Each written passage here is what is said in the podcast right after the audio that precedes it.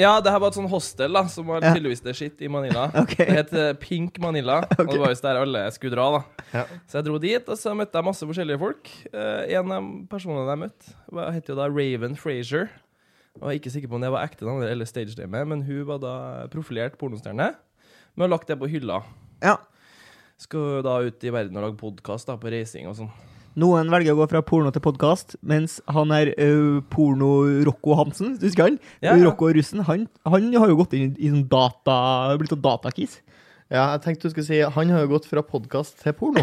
altså, så jeg forventa å høre om uh, porno. Den gamle, den gamle podkasten til porno. ja, det, ja, det har vært mest nysgjerrig på nå. Det kan gå begge veier. Det kan gå begge Jeg, veier. jeg mener altså. Ja. Ja. For du laga da med en pornostjerne i Manila.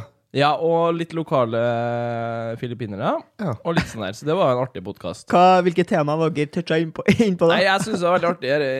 altså, Filippinene er veldig spennende land, da. Ehm, de har på en måte hatt litt sånn opp og ned, og USA har vært der en del og, og lagt sine spor. Ja. Så jeg syns det er artig at liksom, nasjonalsporten er basketball, mens gjennomsnittshøyden er 1,40. Så det var, det var innom litt sånn forskjellig. Alt fra sport, eh, litt sånn kultur og ja. Men det var, det var ikke akkurat noe um, skal jeg si Det var jo kanskje ikke den mest lærerike podkasten. Nei. Hvordan var produksjonsverdien? Vet du noe om det? Den eh, tror jeg var um, lav. Det lav, ja. Ja. Mm. Hvordan, hva, hva tok hun opp med? Jeg tror det var en MP3-spiller. En MP ja. ja ja, men man vinner en plass. Jeg håper den fins. Jeg har litt lyst til å prøve å finne en podkast. Ja, ja, ja. For du som hører på og lurer litt på hvem det vi hører stemmen til her, eh, så har vi fått lurt til oss en trønder, endelig. Eh, Det er Leopold eh, Prytz Rose, Stemmer. eh, som er kokk, først og fremst. Um, eh, og så vet jeg at du har på en måte hatt et litt sånn uh, utradisjonelt uh, løp. Uh, du går Du må arrestere meg hvis jeg tar feil her, men du går rett fra ungdomsskolen ut i jobb. Ja, det kan man si. Mm. Da starter du på det som heter. Nei, Scandic Nidarøen, eller Rika?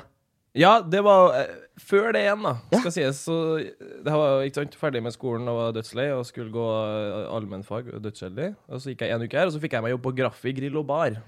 Ja, grillfest på Graffi. Grillfest på Graffi. Starta du i oppvasken, da? Eller er det bare en myte at man starter i oppvasken? Nei, starta i oppvasken. Ja, Så du har skrubba tallerkenene til Og kanskje ikke tallerkener, men sånne trefjøler som er sånn Ja. med, Med barbecue-saus. Skrapa mye barbecue-saus i mine tidligere dager. Og da tenkte du det er her jeg skal gjøre resten av mitt liv. Ja, det, det kom nok litt sigende. Ja, Men eh, det gikk ikke lang tid da før jeg fikk hjelpe til på kjøkkenet. Kult. Og da, da innså jeg kanskje at det her var jo litt gøy. Ja. Tida gikk litt fort, og så må jeg fortsette mer.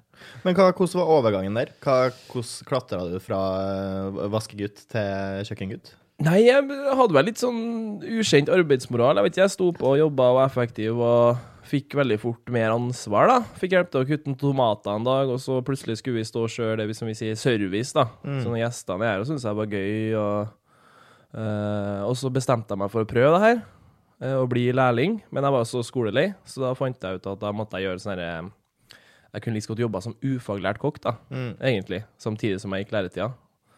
Og så endte jeg opp med at jeg var på utplassering på Scandic-hotellet, og så fikk jeg jobb der veldig fort, da, etter jeg var der. Så du har gått på en måte det som heter kokkefag på, på en måte videregående? Ja, nei, jeg har egentlig ikke gjort det, da. Nei, Jeg har bare jobba, For det er jo ganske utradisjonelt da, å, å ikke ta det her basic kokke... Ja, egentlig. Men på den tida der når jeg bestemte meg for det, da hadde jeg jobba i to år, så da var det på en måte litt sånn derre Jeg prøvde å gå litt på skolen, da. Ja. Og skulle melde meg opp på det her, men da var det liksom ti stykker skal ha kjøttsuppe, og da, det var liksom ikke så spennende. Nei, men hva har du på en måte tapt, eventuelt tjent på det, og ikke gått de to årene på obligatorisk kokkeskole, liksom? Si det, altså. Det er jo eventuelt det... Han har jo ikke vært her, hvordan skal han vite det? Nei, det kan jo si. Det kan, eller du kan jo si sånn Ja. eh, Nei, det, jeg hadde jo egentlig lyst til å gjøre det her, men det fikk jeg ikke lov til, for jeg har ikke det der jævla beviset, eller et eller annet sånt. Ja, jeg, har det tatt fra deg noen muligheter, vet du? jeg, jeg tror det er omvendt, jeg, altså. Ja. Når de andre kom på banen, så hadde jo jeg jobba to år, så da fikk jo jeg med en gang litt mer sånn tyngde, da, sånn sett. Ja. Og jeg syntes det var gøy å jobbe, så jeg tjente penger og jeg syntes det var helt konge. Og så hadde jeg egentlig bare fortsatt med. Så da hadde jeg ett år ekstra da, som jeg jobba, og så fikk jeg ta litt muntlige eksamener og litt muntlige og teoretiske ting på sida. Og så fikk jeg da ta fagbrev til slutt. Eh, og da bærer turen fra Graffi grill til en verdens beste hotellfrokost. Ja, ja, ja samme. I, i Trondheim. Ja, Norge. ja. Mm. På, het det da Rika, eller? Het Det var Rika, ja. Ja. Ja. Som nå har da blitt Scandic, men de har liksom tatt over det der at de har eh, Norges beste frokost. Ja, 82 år på rad, ja det er ganske drøyt, ass. Men det, det er en viktig del av hotellet. Det Ja. det. Men hva kan du si Altså, eh, det, er jo, det er jo på en måte så fornemt at eh, folk som bor i Trondheim, finner på å gå og spise frokost der uten å ha bodd på hotellet, på en måte. Ja, ja. Eh, hva, eh, hvordan var det å jobbe der? Nei, det var jo En ting er å stå opp veldig tidlig, da. Som er en utfordring i seg sjøl. Og så skal jo vi, ikke sant, uansett, tross uh, vær og vind og dagen før Og vi åpner de dørene klokka seks, og da skal vi jo være klar, ikke sant. Står vi her med stasjonene våre, og ikke sant, har en sånn kjøttstasjon der her er masse ost, og har du en pannekakestasjon, og alle skal stå her og fresh, og så skal du stå og by det på, ikke sant. Ja. Så det er jo veldig mye eh, på en måte Gjestene skal, eh, skal på en måte settes i fokus. da. Vi skal liksom, ja, 'Vil du ha det, og fikse det?' og Vi har liksom, en omelett med det. og 'Jeg vil ha eggehviteomelett. Ja, men da fikser vi eggehviteomelett. Ja, du må hvor- være sånn drit, brekkekkelt trivelig sånn tidlig om morgenen. Ja, og uansett tross hva, liksom. Alt, Ja. altså, du skal alltid si ja. Det var ikke lov å si nei, liksom. Det Eller var så- veldig sånn eh, fokus rundt det her, da. Ja. Eller som det heter i arbeidsutlysningene, eh, serviceinnstilt. Serviceinnstilte. Service, maks service. Maks serviceinnstilt. er det sant at de har eh, champagne på ja, ja, ja. Ja. ja, ja. Det klarte jeg. det. Det var jo folk som kom ofte faktisk rett fra nachspiel og spiste frokost. Bare champagne! Om de fortsatte, det vet ikke jeg, men det, det har skjedd flere ganger. Bare for en slags flytende overgang, nei, som funker Ja. veldig fint for alle. Men du, nå som du ikke jobber her lenger, hva, hva mener du om frokosten på eh, Skan eh, Nå er jeg Scandic. Ja, Scandic. Jo, altså personlig så er det en super frokost, men det er jo at the end of the day så er det jo kvantitet over kvalitet, da, i mine øyne. Ja. Det Bunner. jo. Ja. Altså, du, det er jo sikkert 800 forskjellige matretter her, om det er pålegg eller skinker, om det er Men får du ja. litt avsmak av det? At det er liksom så mye, og du vet at det er så mye som kastes og sånn? Syns du det er litt dritt? Ja, jeg reagerte veldig mye på det i starten, da. Ja. Jeg har aldri jobba på en plass der det har vært så mye matsvinn, da. Eh, og det er jo et resultat av at ting skal være på buffé og stå ut, og da, da Og råflott hele tida. Ja, det er litt av den derre Jeg si, det, da, men ja, det er jo litt sånn sånn at du går inn, og det skal liksom bugne av mat, og det er jo litt sånn derre fr- sånn Ja, Ja. fråtsing og Ja. Ja. Det, det sitter ikke helt godt, tror ikke jeg, altså, for min del. Nei. Men, eh, men eh, det er jo sånn store, store deler av hotellbransjen fungerer, da. Ja, ikke sant? Hvilket syn har du på det, sånn generelt? Altså liksom det fråtsedelen av mat, da, og da matsvinn? Ja, nei, det, jeg, jeg jobba, har jobba mye med måte, begge delene, da. Og, og i, i hotellverden og måte når du skal ta imot sånne store gjester og liksom, statsbesøk og se hei om den andre, så er det jo skjedd på som på en måte det mest eh, Hva skal jeg si eh, Det viktigste du gjør? ja, ikke på en måte det viktigste, men på en måte som en sånn der token av på en måte, hvor mye man setter pris på at de er her. da. Ja. Altså, her har du liksom masse mat, og du fråtser. Jeg husker vi hadde en buffé en gang til. Sånn der, vi hadde noen gigantiske um, middager. Da hadde vi liksom pattegris, helstekt pattegris, og sånn en hel pattegris per person. Og det var liksom trøfler og gullflak, og det var liksom ikke måte på. da. Nei. Altså, ikke sant? Og 90 av det her går jo i søpla etterpå, og så er det liksom Kanskje vært likere å bare hatt en skikkelig nice tallerken med liksom det beste, da, og så istedenfor at du skal på en måte sitte der og Overfloden eh, Det blir litt for meget. Ja, det blir litt mye. Men føler du du får uh, noe ut av det i form av uh, altså at Kall det noe litt sånn simpel glede? At det er litt kult at eh, han, den og den personen har spist maten din og syns det var godt. Føler du litt, Syns du det er stas, eller det har det ikke så mye å si? Altså Om kongen av eh, Thailand har kommet og tatt seg, tatt seg en bit av maten din og elska det, er ikke det litt kult? Jo, da? det er jo litt gøy. Jeg husker jo mye vi har artister innom. og sånn. Jeg husker når Wu-Tang var innom og var der og laga mat til dem. og det var... Det, Hva spiser Wu-Tang? Nei, Ghostface Killa for så vidt. Han har jo en veldig spesiell diett, da. OK, Herlighet. tell oss. Nei, han skulle ikke ha svin i perioden her. Og han skulle være glutenfri og løkfri, og jeg husker så sydensykt godt, fordi de skulle være her i tre dager. Og ingen andre kokker bare Nei, dere er Wu-Tang, og dere rapperne skal ha så mye greier. Og nei, jeg bare Wu-Tang her, Ghostface, ja, kjør på, OK. Så jeg går og hjelper han, og jeg ble liksom personlig kokken hans da når han var her. Det er litt gøy, da. Laget, liksom, Han skulle ha bare hvitløksbrød og søtpotetfries. og Han trodde han var sunn, da, men han var jo ikke det, egentlig.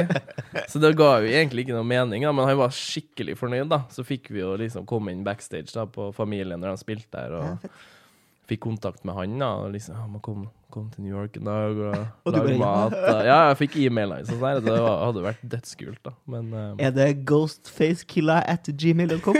nei, det er faktisk Truck Jewelry 74, eller et eller annet. Det er Han har ikke bytta. Han har ikke bytta hjemme på soverommet. så- Eh, Men når du er ferdig på Scandic, eh, så hvor går Altså, for du, du har jo jobba på eh, både Credo og to rom og kjøkken, så vidt jeg vet. Ja, det var jo Ja. Det var liksom neste stopp, eller? Nei, da eh, når jeg var endelig ferdig med leiligheten min, da hadde jeg jo da jobba siden jeg var 16 til jeg var nett, nesten blitt 20, da. så jeg hadde nesten jobba i godt over fire år.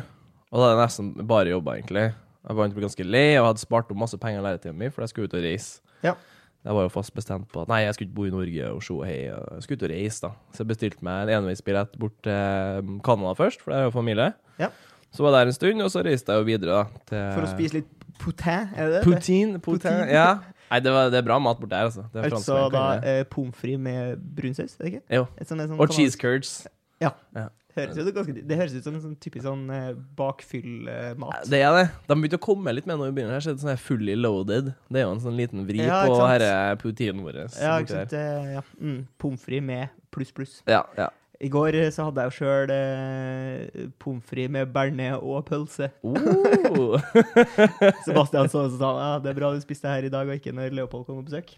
Ja. Derfor diska vi opp med chicken wings i dag. Altså, jeg er ikke så fin på det, men altså, jeg har jo en viss respekt for Berne. Det, det, det kommer jo av oppvekst, da, så da må du på en måte Du kan ikke ta det på puls, ass. Men uh, kokka, altså dine kollegaer, kaller dem også bearnéssaus for trøndersk nektar? Du, det Den Det har jeg ikke hørt faktisk på en stund. De har ikke gjort det, men Nei. den skal jeg ta med meg videre. Jeg likte den veldig godt. Det er en slags fly, flytende gull, det er det dere kaller det. Ja, det er jeg litt mer innafor. Ja, ja. men du skal liksom da ut på reise. Ha, tenker du at det liksom er eh, Nå har du jobba eh, siden du var 16. Skulle du da liksom ta en pause fra maten, eller blir mat en del av reisen?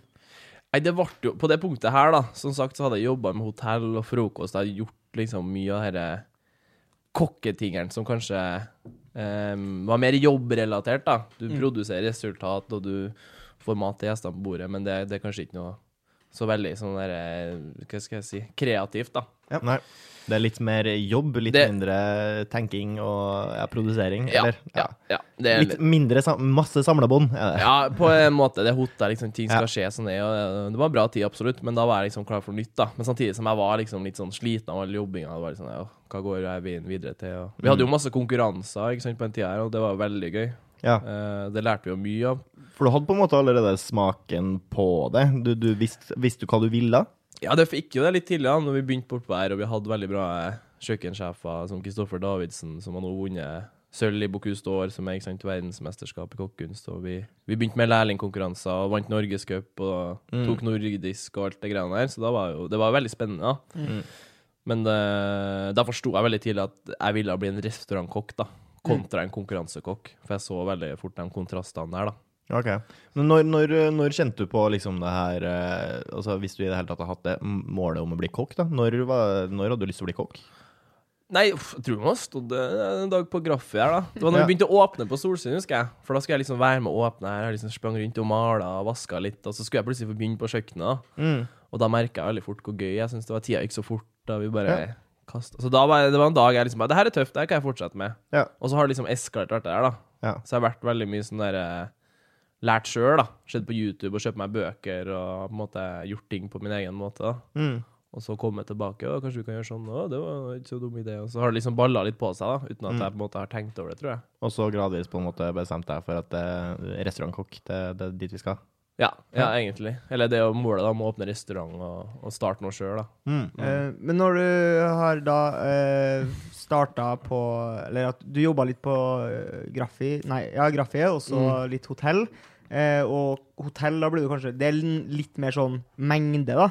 Ja. Eh, og så går du ut og reiser, og så eh, Da kanskje du kommer tilbake og jobber på to rom og kjøkken. Ja, da var jeg ute og reist. Og, ja, og da er vi Da snakker vi Da er vi mer inn på sånn fine dining. Eller er det ikke helt der? Eh, Torn kjøkken er jeg si, mer en sånn bistro, da. Ja. Men det er bare sånn veldig gjennomført, da.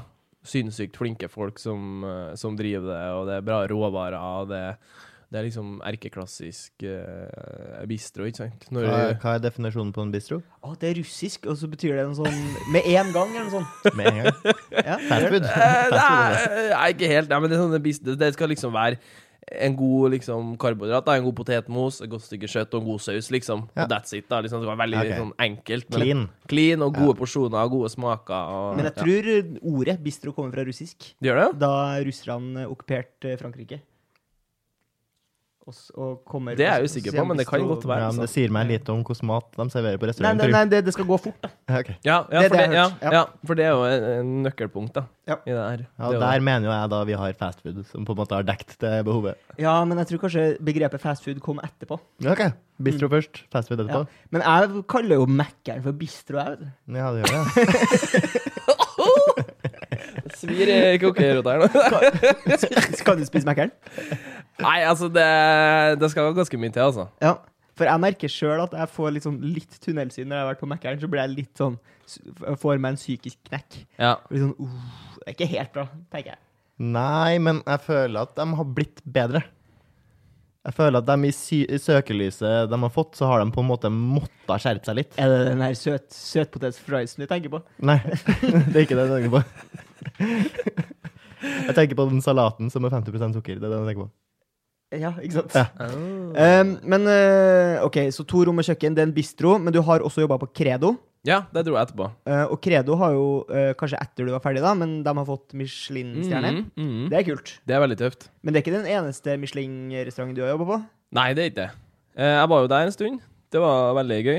Og nå er vi da i På Credo i Trondheim. ja, Trondheim. Mm, ja, etter jeg var ferdig på Credo, så dro jeg videre til Noma I København. i København. Ja. Eh, Jeg hadde jo ikke sant, mål om å bli kjempeflink og gjøre alt, så da skulle jeg jobbe med den beste. Mm. Eh, Så da dro jeg dit. Hva søker man bare der? Sender man brev da til Ghostface Killa? For noe connects eh, på den sida. Nei, men ja. Sender du bare en mail til Noma og spør Hei, kan jeg få lov til å komme? Ja, egentlig. De, de har sånne stagiærordninger da, for mesteparten av de store um, restaurantene. Ok. Eh, Det vil si at du på en måte Du har et sånn eh, gigantisk fransk hierarki, da, hvis du virkelig går for å finne ut alle stillingene. Det er jo massevis. Mm. Men helt nederst, da, sånn under liksom oppvasken og folk som lager mat, så har du liksom stagiærene, da. Og det okay. er basically folk som kommer og jobber gratis for å lære, da. Ja. Så det er sånn den prosessen der starter, da. Okay. Jeg søkt på det, og så Så du søkte for å dra dit gratis for å lære? Ja, sånn er jeg som regel. Og så var, jeg hadde ikke forventa å få noen penger ut av det. Men Så jeg søkte- hadde du noe sidegig på sida for å holde deg i live, eller hadde, var det oppsparte midler? som liksom Mest eh, først og fremst oppsparte midler, ja. Og Ja. så søkte jeg på litt stipend, da, fra, um, fra litt sånn laug som støtter restaurantbransjen.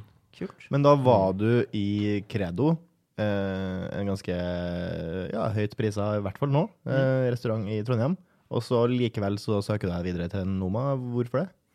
Nei, jeg hadde lyst på en enda mer nye utfordringer. Jeg tenkte liksom hvis jeg virkelig ville Fordi det var unna samme kategori. Eh, Credo var veldig prega av nordisk eh, matlaging og Mm. alt det som går unnafor der, med de lokale råvarene og teknikkene og, og, og alt som følger med der. Eh, og så innafor det segmentet her så jeg ligger liksom Noma på toppen. da. Ja. Hvis ikke jeg hadde vært for Noma, så hadde det ikke vært noe Faviken, hadde ikke vært noe Credo, det hadde ikke vært noe sant, Mange av de restaurantene her har liksom måtte jobba seg rundt det.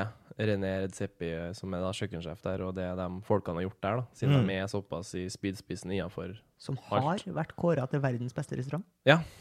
Men var du, eh, var du kokk uh, til, til Credo før du dro til Noma? Ja. Ja, Da Mm. hadde du kokkestilling. Mm. Ja. Mm. Så du går på en måte ned en stilling for å, Ned flere stillinger, vil jeg si. For, for å lære Ja. mer, da. Ja, egentlig. Ja. Og det, det er noe som har gjentatt seg flere ganger. da. ja. Ok. Men uh, hvordan takler på en måte egoet ditt det, da? Hvis du er vant til å kanskje ha litt respekt på kjøkkenet, og så kommer du, og så er det på en måte dritten igjen? Ja, nei, du må på en måte omstille deg sjøl, da. Du må jo det. Uh, den, den banen der har jeg egentlig hatt gående helt siden den tida der. Så det, du må bare akseptere tilværelsen. Og, men at the end of the day så blir det jo veldig Det er jo veldig sånn derre um, Hva skal jeg si Gammeldags bransje, da. Hvis du står på og gjør en god innsats uansett hvem du er, så får du jo på en måte klapp på skuldra eh, for, hvis du er heldig, da. Og du får også mer ansvar med en gang, da. Mm. Så tross om at jeg var stagier, så var jeg skikkelig ivrig da, og hadde lyst til å få til så mye som mulig på den tida jeg var her. Og da fikk jeg være med og se veldig mye gøy da, og gjøre mye artige ting. De setter rett og slett pris på innsats. Ja, de gjør jo det. Mm. De er kanskje ikke flinke til å si det, men uh, innerst inne så tror jeg de gjør det. Hva, er- hva er liksom den største lærepengen du tar med deg fra Danmark, Danmarksoppholdet? Nei, den gangen der så var det vel Nei, jeg innså egentlig hvor sinnssykt hardcore da, de beste kokkene i bransjen er. For jeg hadde Ja. lyst til å bli det. Altså, altså, ikke sant? Vi, det her er snakk om noen av de flinkeste på jordkloden men du jobber så hardt, da. Du starter klokka sju senest hver dag, og du er ikke ferdig for to-tre av natta. Så bare det med å få å leve på så lite søvn var en utfordring i seg sjøl. Ja. Uh, og så er det bare det sinnssykt høye nivået. At alt skal liksom være perfekt hver dag, da. Uh, og, og detaljene er liksom Det um, Nei, jeg bare innså hvor sjukt mye flinkere andre folk er enn det jeg er, da. Ja. Rett og slett. Så da drar du hjem, og så tenker du Hvordan skal jeg klare å bli like god? Ja, eller liksom i hvert fall sette meg inn i mindsetet deres, da. Ja, For det ga mersmak, eller var litt fryktinngytende? Ja, begge deler. Jeg prøvde å ta det beste ut av det og på en måte dissekere det som Ja. For de jobber på en veldig gammeldags måte, da. Ja. Samtidig som det er ny, ny, altså, nytenkende mat, da. Så det er en veldig gammel måte å jobbe på. Det er veldig sånn hierarki og For det er ikke nødvendigvis sånn at du ser for deg at du har lyst til å ha en hverdag der du er på jobb fra sju til to hver dag. Nei, i hvert fall ikke i et sånt, uh, hva skal jeg si, uh, belasta miljø, da. Mm. Um, ja. Ja, kanskje vi skal snakke litt om akkurat det, fordi det å være kokk har jo et eh, ganske sånn eh, stygt rykte på seg, for at det er en eh, hard bransje. Det er mange som eh, eh, må gi seg tidlig, både pga. Liksom, ryggplager, kneplager, eh, passer dårlig med familieliv. Mm. Mange blir alkoholikere. Eh, mye drikking og liksom hva, Hvilke tanker gjør du deg om det, da? At du liksom hopper uti liksom haibassenget? ja, nei, det er jo noe jeg har sett veldig tidlig an, da. Altså, tidlig på så syntes vi det var kult. Vi var unge, ikke sant. Vi, det var liksom glamorøst. Og leste alt der fra Anthony Bourdain og Kitchen Confidential, og det var jo veldig sånn Han på en måte gjorde jo det der kokkelivet sånn glamorøst, da. Samtidig som det er jo Det er jo ikke bra for både kropp og sjel, ikke. Det, jeg, jeg tror ikke jeg har vært borti altså, så store grupper med folk da, på kjøkken som har så mye, ikke sant, alt fra eh, psykologiske plager til ikke sant, Det er jo en grunn til at man ruser seg så mye og, Ja. og drikker og, og på en måte prøver å skyve bort. da. For at the end of the day så står du der og jobber ræva av og, og dag inn, dag ut, og du har kanskje ikke så mye mer når du går hjem, så er, jeg forstår veldig Du ender veldig fort opp i en sånn boble, da. Ja. Ehm, og nei, folk blir jo veldig oppslukt da, i det der kokkeverdenen, og det kan, liksom, det kan bety alt, da. Tross eh, Men nå er det jo øh, Altså, kanskje noen år siden så hadde du bare deg sjøl å tenke på, men nå har du jo fått deg en kjæreste, så da Mm. Og øh, hvis dere skal på en måte ha et uh, familieliv etter hvert, så er det på en måte flere ting man må ta hensyn til, da. Ja. Hvordan, hvordan passer det med liksom den der drømmen din om å liksom Nei, det er veldig vanskelig, da. Det er jo noe utfordring jeg har nå om dagen. Det er jo liksom det å um, Det er jo ikke noe tvil liksom, hva du skal få til om du skal åpne noe sjøl eller med restaurant. Altså, det tar mye tid, men spesielt i bransjen her, da, hvis du skal åpne en restaurant som skiller seg ut, og du skal prøve å få til noe som er utenom det vanlige, da, Mm. så er det jo bare Det er jo én ting det står på, det er jo å legge inn dødsmye arbeid, da. Og få til å gå rundt. Og Ja, man, det er jo sånn det har vært, da. Man ofrer jo både venner og familie, og det blir jo definitivt mye vanskeligere å, å, å ta vare på alt det her, da. Med Mm. kjæreste og sånn her. Så det, det er jo en ganske stor utfordring, ja. Og så har jeg vært litt inn på Instagramen din og snoka, som jeg synes var veldig spennende. Det er jo eh, det som liksom eh, kanskje ikke ligger i arbeidstida, men det handler jo på en måte om det med liksom å forske på mat. Altså du forsker på smaker, og jeg ser du gjør litt eh, Du tester liksom forskjellige ting, og ehm, Kan du fortelle litt om det? Altså Én ting er at når liksom, du er ferdig på jobb, eh, men, men du, jakten fortsetter, liksom. Ja, det blir fort sånn, da. Eh, man kan jo ofte Altså, den beste ideene jeg har fått, sånn, det er plutselig når jeg ligger der og skal legge meg og sove. Skal være flink og legge meg og sove og stå opp tidlig. Og så ligger jeg og tenker på noe greier, da. Lest i en bok eller et eller annet jeg har sett, og så har man kanskje eh, lyst til å jobbe videre på den ideen, da, så ligger du her og bare og plutselig begynner å notere, eller du får en sykt god idé da, som du tror er en dødsbra idé, og så drar du på jobb dagen etterpå og prøver, og så var det helt ræva. Men kanskje én del av den retten var bra, da, så kan du jobbe videre på det. Så det blir nesten et sånn kontinuerlig løp da, med, med råvarer man har tilgjengelig, og hva kan man gjøre med dem, og så hvordan kan man ende opp til en rett til slutt. da. Finnes det noe som er nytt? For jeg føler jo at Ja, er ikke alt prøvd, jo, det det som Folk er kliner jo alt mulig i vaffelen sin, til og med. Det, Ja, ja, jeg føler alt må jo være prøvd. Ja, det er jo det til en viss grad. Så Så er jeg jo enig med deg at alt er det, men men på en måte så er det så mange variabler og variasjoner av ting, ikke sant? En, eh, en plomme er jo plutselig bare ikke en plomme lenger, ikke sant? Mm. Høster du den kjempetidlig i sesongen, så kan du lage kapers på den, tar du den senere, så har du en søt dessert, har du den midt i, så kan du på en måte salte den og lage en sånn her japansk plommesaus. Det, det, det blir så mye innenfor hver råvare, hva man gjør i forskjellige sesonger, og, og hvordan man jobber seg fram til. Da. Spesielt det er noe som vi er inne på nå med bærekraft og alt der, så er det jo veldig mye ting som vanligvis ville ha gått i søpla, da, der vi plutselig har uh, jobba og fått fram noe som er spiselig og har blitt en rett ut av det. Du tenker på lutfisk. Ja, men det er et artig eksempel vi har nå, da, som jeg fant fram, at jeg klarte å lage en uh, pastadeig på fiskebein. OK. Ja. Eh, ok, eh, Hva i helvete? Nei, ikke sant? Så det her var noe Jeg var jo i København nå nylig òg, i sommer. Ja. Jobba på en restaurant som heter Amas, og de er veldig sånn forefront tida for eh, bærekraft og alt det der. da. Og, um, og der hadde de klart å trykkkoke fiskebein uh, få det til å bli en puré. Jeg venter litt mer, og så har de laget nudler på det. Ja. Så tenkte jeg ok, men da kan jeg prøve å gjøre det samme og lage en pastadeig på det her. da, og, lage, og Så prøvde jeg å lage en ravioli på det, og så plutselig hadde jeg en fiskebeinsravioli. Ja. ja, hvordan funka det? Nei, det, folk digger det. Ja. Det smaker godt. i og med og ja. Men hva smaker, hva smaker altså den her fiskebeinspureen? Det, um, det, det, jeg tror hvis du ser for deg hva fiskebein smaker, så smaker det egentlig Ja, altså jeg har jo en litt sånn pekefinger- eller tomfingerregel, som det kanskje heter, at uh, alt eh, som kommer fra havet, smaker litt sjø. Ja, det, ja mm. uh, det gjør det det. Det er sånn Det er vanskelig å si, altså, men se for deg filet av fisk som er bare pulverisert. Ja. Det er veldig Så det blir en sånn fiskeaktig smak. Så Ja. du må på en måte bruke det til det, da, kanskje. Ja, og så har det veldig rar konsistens. Det er veldig sånn der, mye gelatin i, og det er sånn veldig mye stivelse. Og Ja. Ja.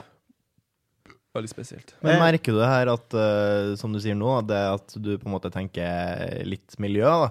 At sånne begrensninger faktisk uh, gjør deg mer kreativ? Det er akkurat det, da. Ja. Når du blir satt innenfor de eh, rammebetingelsene som er på en måte konseptet vårt, så må du på en måte tenke annerledes, da. Du kan Mm. ikke bare tenke ah, vi skal ha en ny, uh, ny rett med svin, og vi tar beste stykningsdelen for den, og så tar vi de beste trøflene. Det, det, det, blir mye, det er mye lettere måte å lage mat på, da. Den Ja. gammeldagse måten, for da har du liksom alt tilgjengelig, mens nå når du på en måte setter Nei, vi har vi kan ikke ta inn det, for det, det funker ikke. Og vi, når vi skal gjøre det, så må vi ta inn hele dyret, og da må alt måtte gjøres noe med. og da da blir det på en måte du, du får på en måte mindre ting å jobbe med, sånn sett, men Ja. da blir det også Ja, det åpner opp da, for flere dører, syns jeg. da. Mm.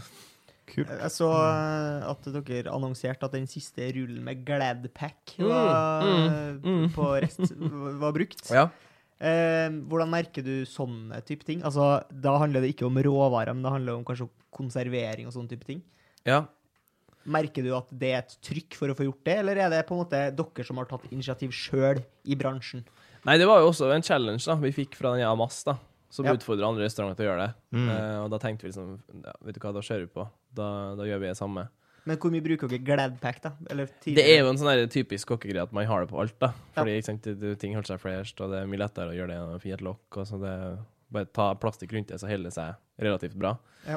Så, men igjen så føler jeg at jeg går tilbake litt på den derre latskapsgreia. Du, du, du kan jo bare bruke bakepapir i mesteparten. For nå jobber du på, vi har ikke spesifisert det, jeg er faktisk litt usikker på. Eh, Nei, det tror jeg ikke vi har gjort. Du jobber på en restaurant som heter Rest nå, Ja, stemmer. Mm. og den ligger på uh, Skyvolmen? Eh, Jeg ligger i Kvadraturen, eh, Kvadraturen. rett Ja. børsen der. Hva selger dere der, da? Nei, det er restemat, da. Restemat. Nei, det, det er jo innenfor det konseptet, da. Eh, altså ting Men det er som fine dining, det òg, eller? Ja, det er 25 retter. 25 retter. 25-26, ja, rundt der. Mm.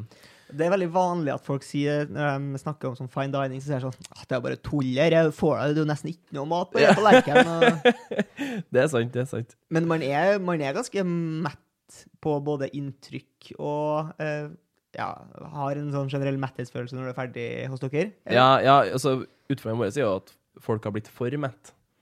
Ja. Ikke sant? For det skal veldig lite til når du har så mange retter. Og tar du på en måte 10 gram ekstra fisk, 10 gram ekstra kjøtt eller 10 gram ekstra grønnsaker her og der på hver rett, så bygger det seg opp over så mange retter. Mm. Så vi prøver å regulere med å ha mindre porsjoner, fordi folk blir jo stappmette, ikke sant? For da kjører man seg gjennom alle? Nei. Ja, ja. Oh, ja, man gjør det. Det er alt eller ingenting. Så setter jeg ned, så begynner jeg. og Så da skal det være 26.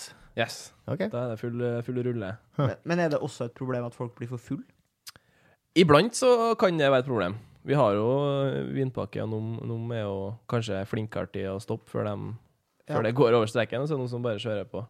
Men jeg vil ikke si at det er noe problem. Altså, det er jo Mye av de gjestene våre er jo folk som er glad i å dra ut og spise og drikke, så de, de, de har en noenlunde Ja, fordi det, det kan vi jo også snakke litt om, da, som jeg syns er litt spennende. Fordi eh, da er vi over på Særlig da med fine dining, da er vi over på at mat er ikke bare mat lenger. Eh, Du drar ikke nødvendigvis eh, til dere på rest for å bli mett. Det handler om en opplevelse. Ja, det blir litt sånn Snakk for deg sjøl. Ja, jeg har nå ikke vært der, så jeg kan jo ikke snakke for noen. Enkelte er nok faktisk der for å bli mett. Jeg tror det. Tror du folk liksom sånn Nei, faen, jeg er så jævla sulten. Skal vi ferdig en rest? Nei, jeg tror det er en kombinasjon. Det gjør jeg. Men jeg tror ja. først og fremst så tror jeg det er mer den opplevelsesrelaterte delen. da. Ja. Folk feirer bursdager og, og ikke anniversaries og, og ikke sant, sånne ting som her, da. Ja. Men jeg føler også at uh, det kan liksom At det er sånn uh, At det er en sånn statusgreie. Mm. Å dra og spise sånn fine dining-mat. Mm. Eh, og at det liksom eh, Og så står kokkene her og forteller liksom om hver rett, og så er det sånn eh, kan, man, kan det hende at man kommer til et punkt der man liksom egentlig ikke klarer å smake for, At det er bare du som en spesialist som klarer å smake forskjellen på det du står og snakker om her? Ja. Eh, og at eh, for min del så har det ingenting å si om det sjøgresset der er høsta liksom i mai, eller om det Ja. høsta i april. Jeg skjønner hva du mener, for det er jo på en måte en, eh, en sånn evig struggle at det ikke skal bli for mye sant, prestasjon, og på en måte at altså, det på en måte blir Det skal for så vidt være litt lavterskel, og, og det skal ikke være stivt òg, ikke sant? Så det går jo litt inn på at iblant så vil man gjerne snakke veldig mye om det produktet man serverer, men så er det jo the day så er det en bit, og så er den borte, ikke sant? Så, da, men i, så det, det er også en fine line, da. Altså, vi har jo ikke den generiske, typiske på en måte, fine dining-opplevelsen. Vi spiller jo rockemusikk, og vi Ja. har ikke sant, Du sitter hvordan du vil, og det er liksom Det er så upretensiøst, da, som vi Mm. prøver å få til, samtidig som maten og servicen er på et veldig høyt nivå. Da. Så sånn sett så er det veldig spennende. Ja. Fordi ikke sant, Man forventer jo at først å, 26 retter, og sitte sånn, eller hvordan skal jeg sitte riktig? Ja. Er det lov å spørre om ketsjup? men, er, eh, er det lov å spørre om ketsjup? Det er ingen som har gjort det ennå. men du har en, en sånn tube med Iduns på bakrommet hvis du er interessert. Så siste utvei, ja. Men eh, jeg bare lurer på, har du hørt om The Shed at Dulwich? Jeg har hørt om det. Det har jeg. Det var da en eh, Kan jeg fortelle til dere som hører på også? Det er da en dokumentar eh, som er produsert av Vice, med en fyr i London som har laga en restaurant på TripAdvisor. Mm. Eh, og så, som er en sånn fine dining-restaurant. Veldig sånn spesiell. Eh, det eneste det, er det som er veldig spesielt med den restauranten, her, det er at den ikke finnes. Og så får han venner av seg til å skrive inn sånn reviews på TripAdvisor, og her var det helt sjukt nice. Eh, og folk Hva er det han skrev? Ja, han skrev det. Her var helt sjukt nice. Det er bare Eh, shit. Ja, og så merker han eh, da at han klatrer på denne TripAdvisor-lista, som da er basert på sånn peer reviews. Ja. Eh, og så begynner folk å ringe og for å booke, men han har jo ikke noen restaurant, så han kan jo ikke ta imot folk. Eh, så han sier bare det er stappfullt liksom mange år framover. Eh, men det han finner ut etter hvert, er jo da at folk begynner å eh, skrive reviews at de har vært der. Mm. Da er vi over på det at det er en sånn statusgreie. Folk lyver om at de har vært på restauranten bare for at det er fett, liksom. Og det som skjer til slutt, da, er at han blir nummer én restaurant i hele London, med sikkert en milliard restauranter der. Eh, og da, liksom, som et punktum på hele dokumentaren, så bestemmer han seg for at han skal invitere da, folk som prøver å booke bord, eh, til The Shed, da, eh, som er bare i bakhagen hans. som er veldig sånn rustikk, da, ikke sant? Og så serverer han dem frossenmat fra Iceland. Eh, Mikrobølgevarma og har på sånn edibles. da. Og så filmer de, og så har han ikke turt å ta betalt fordi at han er redd for å bli saksøkt, så han sier bare at det er folk her å filme, så folk får spise seg gratis. Og så intervjuer jeg dem, og de bare sånn «Ah, Vet du hva, det er beste maten jeg noen gang har spist. Sånn. Du sitter og spiser en lasagne jeg har tina i mikroen. Sant? Og da er vi litt inne på det her at hvis du bare blir fortalt Eller hvis du, har, hvis du er innstilt på at det skal være så jævlig sjukt, da, Ja. så klarer du liksom ikke å Da klarer du å lire at den lasagnen er det beste du noen gang har spist. Kan du liksom Skjønner du hva jeg tenker på når jeg tenker at sånn kan det også være for folk som er hos dere? Ja, at du på en måte psykologisk har blitt liksom bestemt deg sjøl for at det er sånn og sånn, det, det, det, det forstår jeg jo. Ja, og at av og til Jeg vet ikke om det er sånn for akkurat dere, men så føler jeg at av og til med sånn fine dining-plasser, så er det sånn Jeg skal smake litt sånn rart. Ja. Det trenger ikke nødvendigvis å være så jævlig digg, liksom. Det er digg på samme måte som en Grandis er digg. Nei, men, men det er jo et godt poeng, og det er jo ikke det. Og, altså, når du sa det, så har jeg jo sett den dokumentaren, og det er jo helt lættis. Ja. Hele det TripAdvisor-greiene der er jo helt tullete. Men nå må vi jo ikke glemme at uh, det åpenbart er en lasagne de selger på Island som er jævlig god. Ja, den bør vi jo egentlig smake. Den Ja, burde vi virkelig ha prøvd. jeg tror en av rettene er jo sånn pulvertomatsuppe òg, Ja. som de driver og varmer opp og, med sånn bokstavmakaroni, og de bare oh, it's amazing. og det eneste de har gjort, er å ta på litt olje, liksom. Ja. Nei, men det tror jeg også er litt sånn i, Akkurat i scenarioet der, da, så høres det ut som det er veldig mye folk som har hypa seg rundt akkurat det her med å dra på viktige plasser. Ja. Jeg tror kanskje ikke nødvendigvis dem Altså, jeg skjønner at det kanskje er reelt, da, men igjen så har vi um, Flesteparten av dem som spiser det, oss er jo folk som på en måte er litt interessert og har vært på lignende plasser og, og, og har mye å på en måte Det komme med. med. da. fort folk som kanskje også er innstilt på å eventuelt være kritisk. Ja, absolutt. Ja, og, det- det, og, det er jo ofte en, en stor greie, siden det er såpass nyåpna restaurant, og det er Mm. såpass på en måte eh, På en måte så er det jo sett på som et rart konsept, men samtidig så er det jo veldig gammeldags òg, da. For nå prøver vi på en måte å gjøre ting med råvarer som vi har ikke gidda gjort før. da, ikke sant? Vi bruker Mm. kråsen av høna, vi bruker stykningsdeler på kjøtt som lort, og så ting som måte, nå er ikke kvalifisert som bra nok, da, for folk vil være indrefilet og entrecôte. ikke sant? Så på en måte som det er et nytt konsept nå, så er det en veldig gammeldags måte å tenke på. da. Ja. Bruk hele dyret. Ja, ikke sant? Eller utnytte de råene som er tilgjengelige i de delene av sesongen, og, og alt det der, da. Så mange av dem som kommer, som er litt sånn her, det høres litt teit ut, og så er det bare sånn OK, ja, maten var god, og det gir mening, og Men eh, er det vanlig at de som er her, stiller mye spørsmål til dere? Folk mye Ja, veldig mye. Folk er veldig skeptiske i starten ofte, for de er veldig sånn Ja, bærekraft, og så sier vi ja, her er en sopp. Ja, hvor kom den soppen fra? Nei, den kommer fra Gruten her i Oslo, da, som er en sånn der eh, gjeng folk som driver og vokser sopp på kaffegrut. da, Så sier vi Oi. sånn, vi får stilkene deres, lager en buljong. Ja, OK, bra. Jeg må sjekke, da. Oh, kult. Så det er mye sånn der som er liksom weava inn da, i bakteppet. Det er ikke sånn at vi bare får masse søppel og så lager en meny på det. Det er liksom, det har, tror ikke jeg har gått, da. For vi, vi prøver å operere på liksom, det nivået vi gjør, da, og prøve å lage god mat, så må det måte være en sånn rød tråd gjennom det hele. da.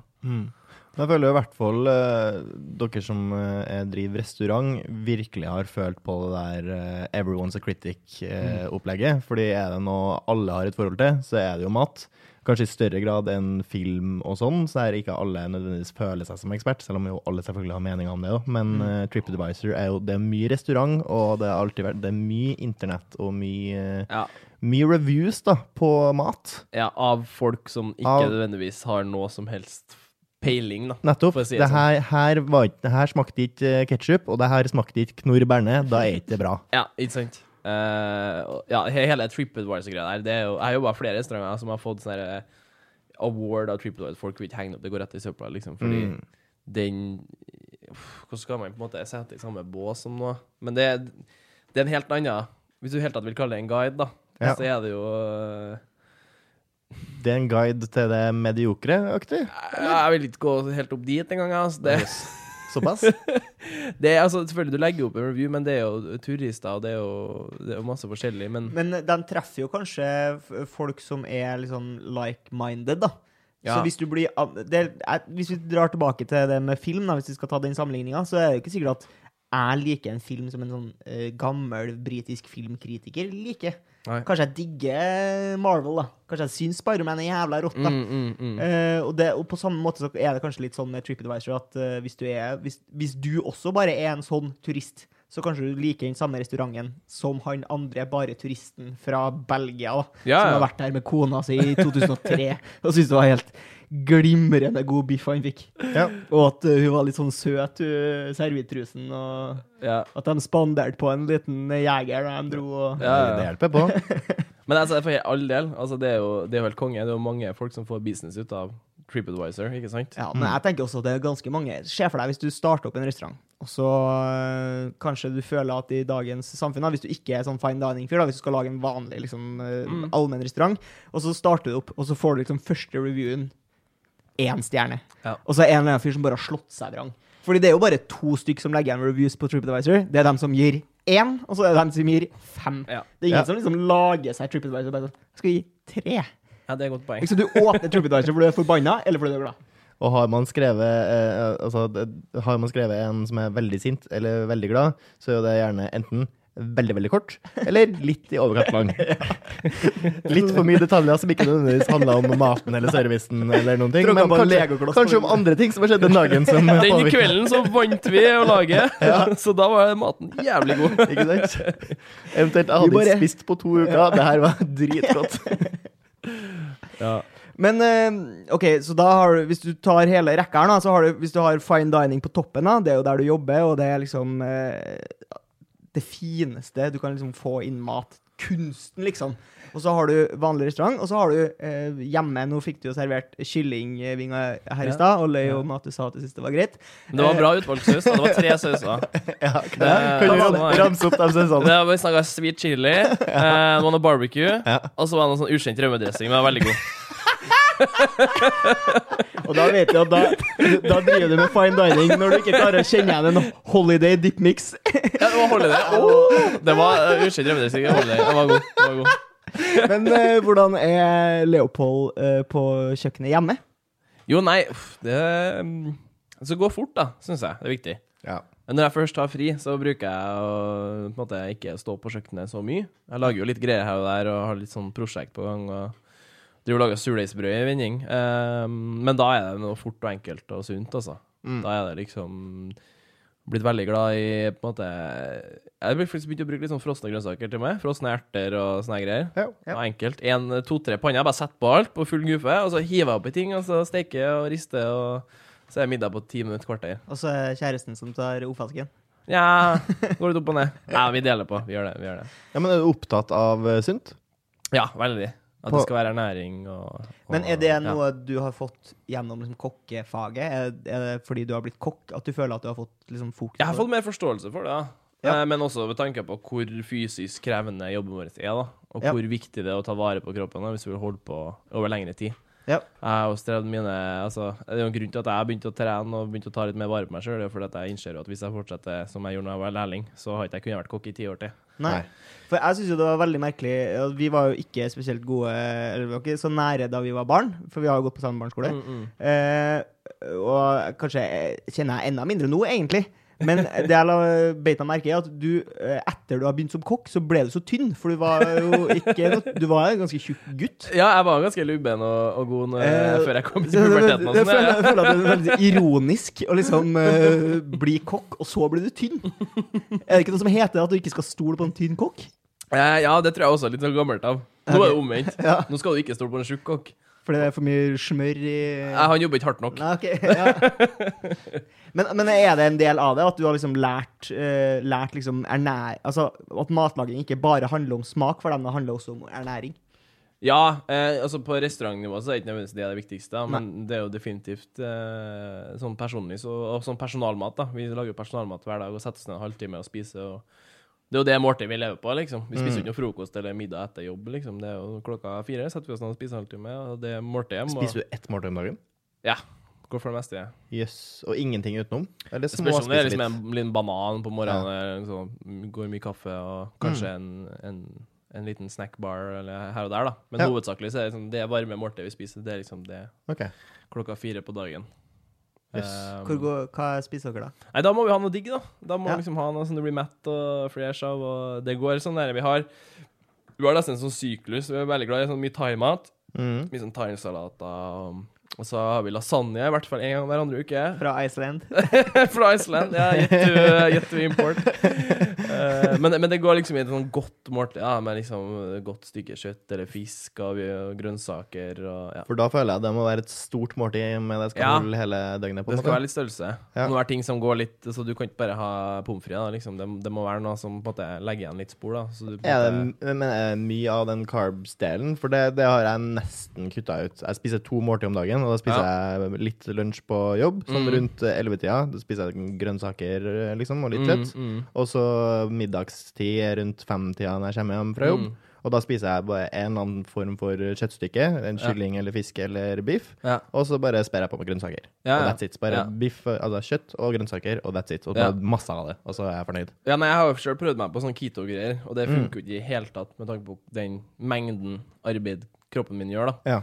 Eh, men uh, altså, alt med sånn lavkarb funker, men vi, vi- når vi spiser sånn karb, så er det liksom det er god gammeldags potet, og det er liksom ting Ja. som uh, bygger inn, og ting som tar litt tid å få Men uh, trekte man liksom lodd om at noen må liksom lage uh, fellesmaten? Oh, ja, nei, jeg tar det med glede. Oh, du gjør det? Jeg syns det er så digg, jeg. Okay, du, du, du Nei, så jeg, jeg liksom og krangler med andre. P-mat. Nei, jeg skal lage p-mat i dag. Okay. ja, okay. Så det er litt stas, det? å lage- Ja, det er jo det. Ja. Noe godt, uh, kose seg og Ja. Men så koselig. Fordi jeg syns egentlig det er ganske koselig å lage mat for andre.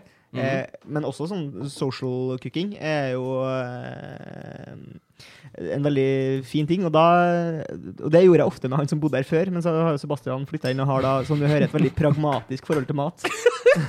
det, er ikke så, ikke så koselig å lage mat med en fyr som bare sånn Nei, stekt kylling og en kald gulrot til middag i dag. Men det er Jeg sto altså, i tre timer og laga Laga salsa til liksom den store gullmedaljen i går, og så, og så får jeg en kald gulrot tilbake. Sto og laga pasta av kyllingbein, si. Ja. Det har jeg ennå ikke gjort. Altså. Ja, nei, greia er jo at hvis jeg lager mat til meg sjøl, så lager jeg det enkleste og mest næringsrike som er sånn noenlunde sunt. Og med noenlunde sunt mener jeg egentlig bare at jeg får i meg det jeg trenger av proteiner og litt vitaminer. Og så er jeg fornøyd. Det, det er ikke så farlig for meg, for jeg klarer ikke å spise meg feit.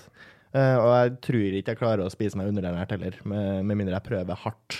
For det, er liksom, det skal litt til i dag å bli underernært. Det er nok mat. Det største problemet er at folk spiser for mye. Det er jo ikke Ja. nødvendigvis sånn som å spise usunt, man spiser for mye. Jeg tenker kanskje jeg skulle informere deg, Leopold, men du sitter altså og prater med fyren som mener at sjokolade ikke er godteri. Så det Jeg mener sjokolade er en såpass stor kategori at det er en egen greie. Jeg mener at hvis du sier uh, Hva har du gått og kjøpt deg? Jeg har kjøpt meg sjokolade, så er det en egen Du kan ikke si 'Jeg har gått og kjøpt meg godteri'. Å, hvordan godteri har du kjøpt deg? Nei, jeg har kjøpt meg en Stratos. Hæ? Men jeg er litt med, altså. Hvis noen sier 'jeg har kjøpt godteri', har du kjøpt sjokolade? Da sier jeg nei, jeg har kjøpt godteri. Ja. Ja, nei, det, det er to Det, det, forskjellige det, er litt- kategorier. jeg er litt med der. Ja. OK, så det er jeg som ble freaken her? Altså. Yes. Ok. Så er det backup fra kokken. Ja. Eh, jeg tenkte jeg skulle prate med deg om eh, litt med, om eh, restaurantkultur. Fordi det er jo veldig annerledes i Norge kontra mange plasser i utlandet. Så det er veldig vanlig å gå ut og spise. Altså Man spiser egentlig Mm. alle måltidene sine ute. Mm. Um, og så, eh, jeg vet ikke helt hvor jeg ville, vil men jeg ville egentlig bare si det. Ja, Eh, nei, men jeg, jeg, skjønner, på hva du mener. Det er jo en sånn konstant greie. Vi nordmenn er jo skikkelig Ja, vi er litt gjerrige. Vi, Ja. vil, vi vil jo helst ikke bruke så mye penger på mat. Nei. Vi vil liksom ha det pengene vi har, og så, så vi er jo glad i Rema og alt det som er, og så skal vi ut og bruke penger, og syns vi er altfor dyrt på restaurant. Mm. Alle kjenner seg igjen når jeg sitter der og skal ha regninga. Så herregud, det her koster jo altfor mye. Eh, og det er jo sånn typisk norsk greie. Men hvis du ser sånn som Hvis du sammenligner med andre land, da, som både Italia, Frankrike og Nederland og masse andre land her i Europa, så prosentandelen vi bruker på mat, er jo mye lavere enn de landene her, ikke sant? Ja. Mm. Samtidig som vi klager på at det er dyrt. Så det er jo egentlig bare vi som Vi er jo flinke til å bruke pengene våre, kan du si. Det er bare at, og vi, men vi setter jo ikke akkurat mat, i hvert fall ikke de siste årene, så har vi ikke akkurat prioritert det da, som en del av eh, Men det kan jo fort hende at i Norge så havner utgiftene en annen plass, og derfor så kutter vi ned på utgiftene som går til mat. Og også at vi har muligheten til det. Herregud, mat er jo dritbillig. Ja. Det er så billig for mat. Eh, ja, Du kan få deg en kilo med koteletter til, av svin til 40 kroner. 40 kroner! Ja. Det er så billig, det. det, Mat er ekstremt billig, men det med du setter i restaurantscenario, så blir det på en Mm. Men det er jo, det er jo fordi arbeidskrafta koster. mm. Arbeidskrafta koster, så er råvarene er jo ikke så dyr. Det er jo Det var- arbeidet som koster. ganske ironisk at liksom i eh, land, andre enn Norge, som kanskje har litt stoltere matkultur, da. Mm. Eh, Hvis man liksom tenker på norsk mat, eh, så er det jo fort liksom sånn flesk og duppe, eh, pannkak, innherredsodd, eh, laks. Og så har du liksom Italia med liksom pizza, sånn som alle digger. da. Ja, Ja, si det sånn, Det er ikke så jævlig mange andre land i verden som tenker sånn Nei, skal vi ta noe norsk? Ja, ja vi fyrer opp noen fiskekaker, liksom. Det tror ikke jeg skjer. Men de spiser liksom på restaurant, mens i Norge der skal vi spise liksom den norske, mm, liksom trauste hverdagsmaten vår Ja. hver dag. Og, og det syns jeg også er litt sånn merkelig at uh, Jeg har i hvert fall tenkt på det av og til i Trondheim. Så det er litt sånn OK, det kommer noen som ikke er fra Norge, på besøk. Og så sier han sånn «Hæ, Skal vi liksom stikke og spise noe norsk mat? Hvor stikker man da? Ja, det er et godt poeng. Det blir jo sånn, skal vi spise uh, pizza laga av grekere, liksom. Det. Napoli rett nedi gata. Ja. Mm. Det er norsk mat. Ja, men det har jo blitt det. Plankebiff og ikke sant? Det er jo mer norsk det enn det du ville ha funnet noe annet. Ja, hvis du skal ha restaurantkulturen, eventuelt kjøpematkulturen. For det, det er jo det vi kjøper. Vi kjøper jo ikke norsk, eh, norsk husmannskost, for det lager vi jo hjem. Og vi er, lager såpass ofte mat hjem. Men vil du si at den maten dere lager, er en liksom norsk cuisine? Det var et godt spørsmål. Det er, jo, det er jo norske råvarer, uten tvil. da. Men norsk mat, altså som du sier, vi har jo ikke så mye matkultur, da. Så jeg er jo villig til å gå ut on a limb da, og kanskje si at vi, vi strekker i retning. Vi bruker jo norske råvarer, men vi bruker innmari mye teknikker og, og, og ting lånt fra andre land. da. Mm. Men det, det, det, blir sånn, det blir mer spørsmålet hvordan man definerer norsk mat. da. Ja. Hvis norsk mat er alt det gamle, så er det jo ikke nødvendigvis det. Nei, eh, men jeg øh, Åh, nå burde jeg sikkert huska huske hva det het, men det er en sånn fine dining-restaurant. Lurer på om den kanskje ikke fins lenger. Som lå liksom på, i Sverige, på grensa til Norge opp. og- Ja, ja, Faviken. ja. Ja. Eh, Mm. De liksom eh, hadde jo vel spesialisert seg veldig på sånn fermentering og sånne ting. ja, det er jo veldig nordisk. Litt samme som jeg var inne på tidligere med, med, med Noma og alt der, da. Gjør dere det? Vi jobber mye med det, ja. Jeg har jobba veldig mye med det siste. Eh, Da oppnår du jo Du har muligheten til å høste ingredienser i løpet av sommeren og våren og høsten, og så preservere dem da, på ulike måter, og så ende opp med et, produkt som smaker helt annerledes da, mot Ja, eh, Men det er en slags rot, rotten, forråtnelsesprosess. Ja, det er, jo, det, er jo, det er jo bakterier da, som er rundt oss, men du kontrollerer dem. da. Ja. Gjerne med en, en salt, eller, eller med en viss temperatur, eller eh, en annen bakterie da, som er som hovedbakterien. Så Ja. nå har vi jobba mye med å lage koji, eksempel. Det er jo noe de bruker for å brygge sake. Mm. Men den samme bakteriekulturen kan brukes da til å lage koji på bygg, da, som da er norsk råvare. Så det er jo Mm. litt et eksempel på der vi på en måte Og den samme kojien igjen, da, når den er ferdig, så bruker vi den til å lage misoer og sauser og ting som står og fermenterer over tid, da. Mm. Eh, Men har dere henta litt eh, eh, inspirasjon fra eh, han Kristoffer Schou? Han har jo et radioprogram på Radio Nova som heter Kvegpels, som har holdt på siden starten av 90-tallet. Eh, og der, eh, på 90-tallet en gang, så bæsja han på et glass. Og Skrudde av lokket, så han hadde i studio, så hadde de en bæsj på glass. Og så, og så merka de at etter hvert så ble det glasset jævlig sånn fettete på okay. utsida. Eh, så de eh, tok kontakt med en sånn biolog. Menneskebæsj, eller? Menneskebæsj, Ja, ja. menneskebæsj, ja. Mm. eh, tok kontakt. Sikkert en av skaubrødrenes egen. Det vil jeg tro. Ja. Eh, Så tok de kontakt med en biolog oppå, oppå Blindern. Så bare spurte hva, hvorfor er glasset så jævla fett. da, liksom. Er det er bakterier som vil inn. Og så hadde de De en tradisjon sett, de har sett gaven som endte på innsida. så hadde de en tradisjon da, at på lille julaften så åpna de det her glasset. Og det glasset, det lokket på glasset bula jo, for det var jo så i, fullstendig tivoli her inne. Og så mata de bæsjen med melk og, og kotelett. Og det lukta så jævlig at de måtte tømme hele Men radiostudioet. var det noen grunn til at det var melk og koteletten? Eh, Det er jo det jeg tenker, at er det noe fermenteringskultur Altså, er det, er det noe norsk matkultur i det de driver Eh, med? Melk og kjøtt, det, Det er jo norsk. det er norsk. Og jeg tror det viktigste av alt er jo at det slutt blir spiselig. da. Ja, okay. Jeg tror for det er viktig å starte med et bra utgangspunkt. Jeg tror Ikke start menneskebæsj dårlig. Ja, det er dårlig utgangspunkt. Ja, jeg tror ikke du ender opp med så Det blir ikke bli noe bedre med tida, egentlig. Det tror jeg kanskje blir motsatt. Eh, men, men ja, på en vis, altså, mye av eh, med lagringa sånn er jo mye gammelt norsk. da Ikke sant, Mm. Før tida da vi hadde kjøleskap og alt der, så tar vi og lagra ting på sant, Kokt koteletter, hadde på glass med og kokte, og så var det jo masse gelatin i, og så ble det på en måte et lokk over, så hadde du preservert. ikke sant Så mye av det der er jo altså, går jo tilbake til det med, med gamle teknikker og måter å gjøre ting på, som måte vi har bare glemt. da For Mm. altså, Alt det med med surdeig, ikke sant. Alle laga jo surdeig før industrielt gjær og alt det her. ikke sant? Ja. Før så var det jo bare surdeig. Og... Mm. Så nå er det sånn Å, kult, og surdeig så er egentlig ting vi har gjort i flere tusen år. da Vi har bare glemt det.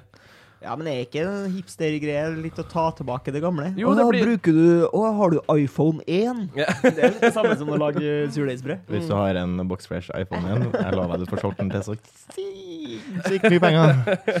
Um, en annen ting jeg har lurt på, som kanskje du kan svare på, eller kanskje du har tenkt litt på det, er jo um, hvorfor er det sånn at uh, jo nærmere ekvator man kommer, jo sterkere er maten? Eh, det har jeg ikke tenkt på. Jeg føler at liksom uh, I Norge og eller Mm, skandinaviske mm. landene så har vi jo ikke noe særlig kultur for eh, sterk mat. Nei, men hvor mye chili ser du vokse i veikanten der, Torgrim?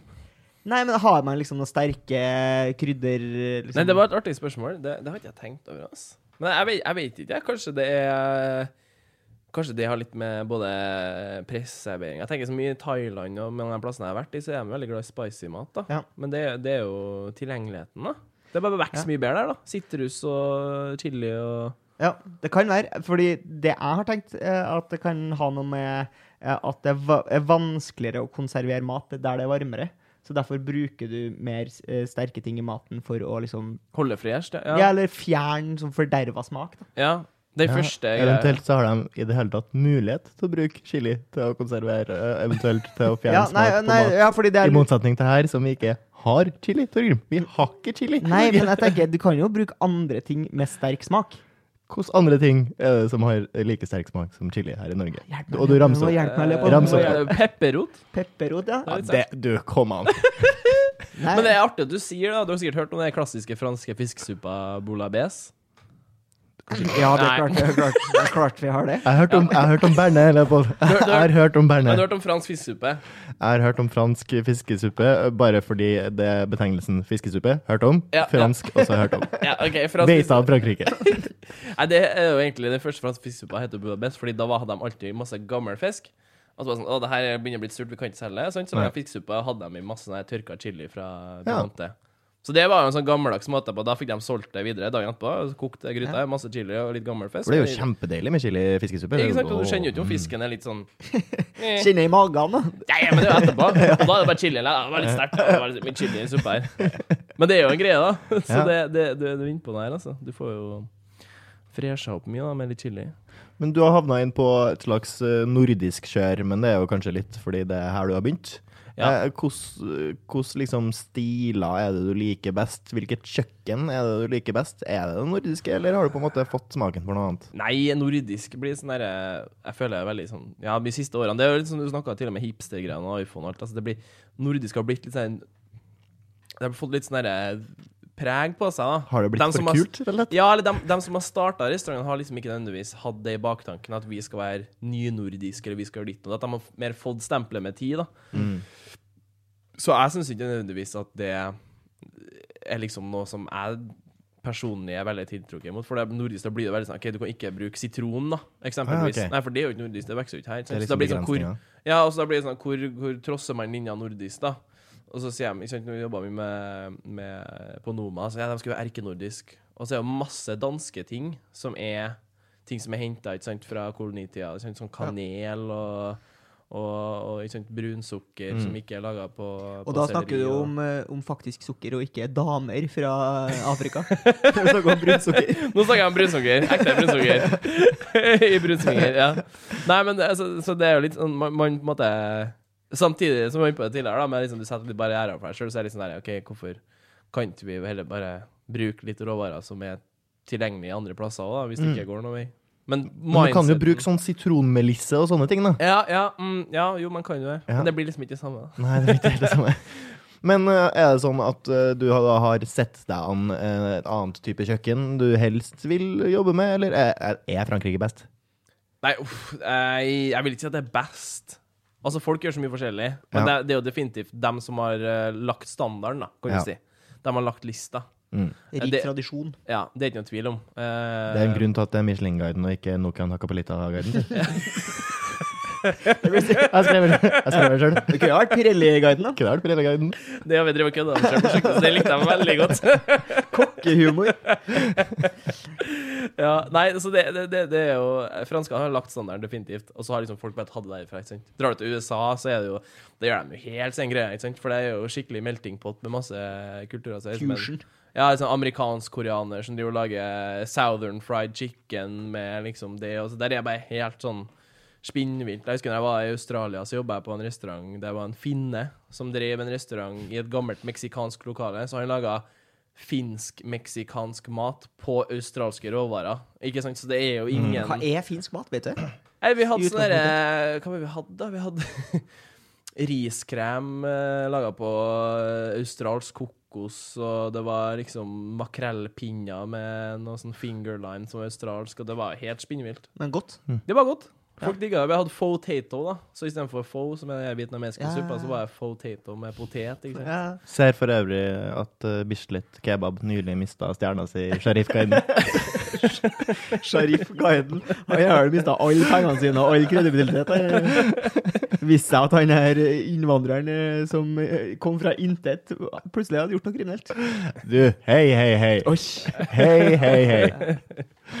Nei, men eh, det at det franske kjøkkenet på en måte har satt standarden, er jo litt sånn Jeg føler at det er noe som alle vet. Det, man tenker fort fransk, og Mm. det er spesialiserte kokker og masterchefs er alltid sånn ah, Frankrike er bra, men, men det må jo komme matkultur fra andre plasser som på en måte i utgangspunktet skal være like bra.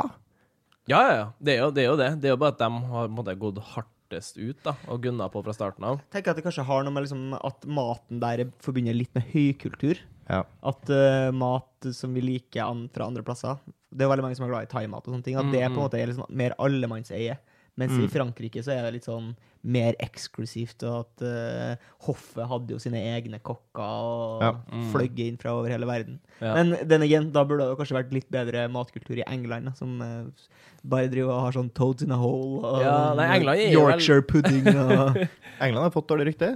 Ja, men de har veldig mye bra restauranter, altså. Ja. Det er London. Men det er stort eh, sett ikke engelskmenn eller engelsk cuisine på de restaurantene. Nei, men det som er artig, det er jo faktisk at de gjør litt det samme som vi gjør her i Skandinavia òg, da. Ja. De lager på en måte Det er deres syn på britisk mat, ja. Men alle har vært og jobba med franske menn, ikke sant? Ja. Og lært deres måte å gjøre ting på. Så tar de det tilbake, men bruker samme råvarene, litt nye teknikker. Så på en måte har du en sånn ball rulla. Men hvor spennende kan du gjøre fish and chips? Nei, fish and chipsen kanskje er lagt litt flat, da. Den, den må være sånn den må være. Men jeg, jeg jobba uh, for et fransk filmteam som var, gjorde en dyredokumentar her i Norge. Mm. Og du kan jo bare se for deg hvor skuffa jeg var når de ble servert en pasta bolognese på liksom på E6 gjennom Nord-Trøndelag der, på ei veikro.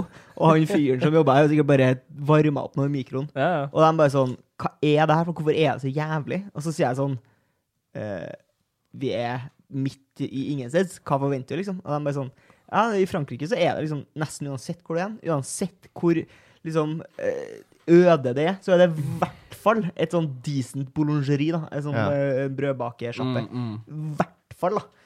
Så det er på en måte Det er, det er noe med det at, altså at de ble så overraska. Jeg hadde jo blitt overraska hvis det hadde vært god mat å få Ja. på en veikro i Nord-Trøndelag. Ja, ja. Mm. For du vet jo liksom hva du får. Du får jo en fyr som kanskje egentlig ikke engang har lyst til å lage mat, men Nei, nei. som hadde nå bare havna her, da. Og det, det kan jo være bra ting, for du legger jo altså Forventningene dine ligger jo der. Mm. Så lenge det er varmt, tenker jeg, da har du liksom kommet Da er det bra. Og så hvis du plutselig Er, er varmmat her, da? Å, strålende.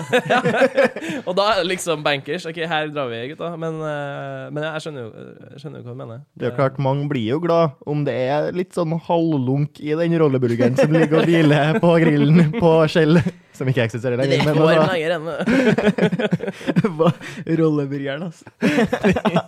det er uggen. hva syns du om rolleburger? Rulleburgeren får ikke helt til smak, altså. det Jeg, jeg, jeg trodde den skulle være veldig god, men Ja. den var ikke helt eh, Nei, det var ikke helt det. Nei.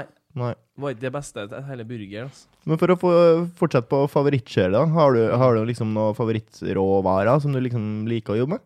Ja, det er jo eh, alt sånn er når vi får til nye ting, da syns jeg er gøy. da Mm. Råvarer som på en måte ellers ville ha havna i Jeg er veldig glad i sjømat og, og, og ting fra havet og grønnsaker. da Ting Mm. som vi har om sommeren. Og nå jobber vi med f.eks. stillehavsøsters. da Det er et veldig spennende produkt som har på en måte Er det seg. oppskrytt? Er det, bare, er det Nei, det er veld- det er veldig ikke bra. er det ikke litt snørr, bare? Nei, nei, nei, nei. Østers er fantastisk. Og det er jo eh, så mange måter å gjøre på at jeg tilbereder det. Mm. Og så er det også eh, veldig sånn på en måte, Visse råvarer har på en måte assosiert litt sånn stigmatikk. At nei, den blir sånn hvis du gjør det med den, eller den blir sånn.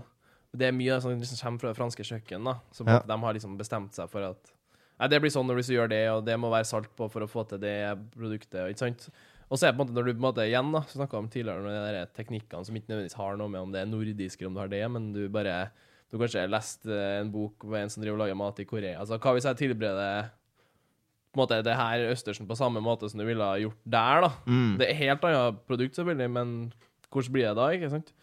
Så da ender du opp med noe helt annet. Så jeg definitivt ville jeg sagt spesielt sånn tang og sjømat og alt det sjuke greiene de drar opp på havet nå for tida, er sinnssykt spennende. Altså. Men Ja. eh, har du litt trua på det? For det er jo litt sånn typisk sånn dritt eh, NRK P3-nyhet. Sånn tang er den nye maten. Ja, ja. Eller insekt er den nye maten. Hva er, Nei, er, det det noe i det? det er, jeg vil si, Tang er definitivt noe i. Insekt er jeg ennå ikke blitt klart å bli overbevist om. Nei, har du prøvd den, vel? Ja, eh, vi hadde, vi hadde maursaus på noen, Ja. husker jeg. Ja. Og det var faktisk uh, overraskende godt. Ja. Eh, Hvordan smør var det? Vet du? Det tror jeg var pessmør. Det var pestmør, ja. Ja. ja. det var pestmør, ja. For de var veldig syrlig. Ja, ja, det. Ja. Så det brukte de faktisk. Så det var faktisk overraskende godt. Sende en stakkar ut i skauen for å lete etter pessmaur. Så den skal kappes i to. Ja. Det er 100 rester som kommer i kveld! ja, det var litt sånn Nei, så det er litt sånne ting som er liksom Og mye rare ting, sånn som begynte liksom å bruke eh, bark av trær og røtter Men det er sånn og Det er tull, sant? kanel har vi brukt i alle år. Ja, ikke sant? Kanel er ikke noe nytt. Ja. Ikke kom her og bark meg der. Nei, men det er litt sånne ting som man ikke har prøvd. Da. Så får man en gærning som fisker og bare 'Jeg så noe som lå i fjorden, skal jeg plukke det med?' Og så tar han og drar det med, og så ender han på land. Så det er mest sannsynlig plastikk. Ja, nå Ja. for tida så er det mye av det, ja. Ja. Men hvorfor, eh, hvis du spør alle jenter på 16 år i hele Norge om hva som er favorittretten deres, hvorfor svarer 99% av dem taco? Taco er jævlig digg, da. Tacokveld med jentene! Nei, jeg vet ikke, men det er jo oppveksten, da. Taco er jo godt. Ja. Det er jo veldig Og da snakker vi jo selvfølgelig om kjøttdeig, Norvegia og rømme. Og ikke glem boksmais. Boksmais. Boksmeis. Men du må huske at det er jo hele, det er jo hele pakken. Da. Du får det servert sammen med Coca-Cola og noe herlig på TV. Nei, nei, ikke samling og kos. Coca-Cola. Ikke Coca-Cola. Det er Pepsi Max? P-Max. ja. Ja, P-Max, Det ja. er Men du får det uansett i en slags pakke. Sant? Litt familiekos, litt fredagskos og taco og helg. Altså, det er jo vanskelig å ikke bli i godt humør. Men det er jo alt det som jente 16 hater. Eh, ja. Ja, men, men innerst inne så vil jente late. 16 ha det. Ah, Altså, ok. innerst- det er fasaden. Jente 16 Ja. later som man hater familiekos og sånn, men så er på en måte eh, alibiet for å si at man liker det, er jo at man liker taco. Og så får de lov til å se Stian. Blipp på TV som en uh, utrolig kjekk mann. Nå får man jo heldigvis lov til det. Men er du en P-Max-fyr? Eh, jeg, har bytta, altså. Du har bytta? Hva Ja. har du bytta til? Nei, jeg, Hva skal vi gjette? Jeg gjetter Trocadero. Hva gjetter du på? Oh, det, brusfronten har jeg blitt veldig dårlig på de siste årene. Jeg tror jeg har blitt mer en classic urge-fyr. Blandevann 2000 og et eller annet. Ja, nei, eh, ingen av delene, faktisk. Eh, jeg har blitt veldig glad i Farris, faktisk. Ja. På en eller annen grunn. Ikke kom og si at Farris er brus. Det er, nei, men det er Jeg vet at den bruser, men det er ikke brus. Der har du poenget. Ja. Nei, jeg har blitt, blitt glad i det. Altså. Ja. Farris, Farris. Naturell. Nei, eh, den sitrongress er veldig Ja. god. Ja, se der, tenk tilbake på sånn sitrongress. Yes, yes, der har vi den. Men er du, er, du, er du også en eh, dessertfyr, eller har du på en måte bare holdt det unna? Nei, jeg er glad i gode desserter, det er jeg. Ja, Det er men- jo um, en egen del, da. Ja, men er du glad i å lage det, da? Ja, iblant så er jeg det. Det er bare hvis det, det, Vi har sånn typisk greie i kokkeverdenen at vi har noen som heter kokkedesserter. OK. Fordi kokker er ikke alltid så veldig begeistra for å gjøre det konditorer gjør, ikke sant? Aha, de gjør ja, sånn, de, de, de, ja, de driver og blæser sukker, og de er veldig tålmodige, og de har veldig sånn derre um, Skal jeg si eh, øyne for at ting skal være veldig sånn detalj og? Du kan ikke bare Ja, Men gjør ikke dere det med middagen deres òg? jo, jo, jo, til en viss grad, men det er mye lettere å bare hive sammen og greier, og så blir det en god varmrett, ikke sant? Det å få til en sånn perfekt dessert, da skal liksom ting veies opp på grammet, og du skal varme opp det til den grad. Altså, det er veldig mye sånn Mer konsistens, eller mer sånn Ja, men du, du kan ikke bare, som vi sier, cowboykokk, da. Du kan ikke bare gå, hoppe inn dit og bare eh, røre sammen litt sjokolade og sukker, og så har du en dessert, ikke sant? Så er det ikke noe som heter cowboykonditor?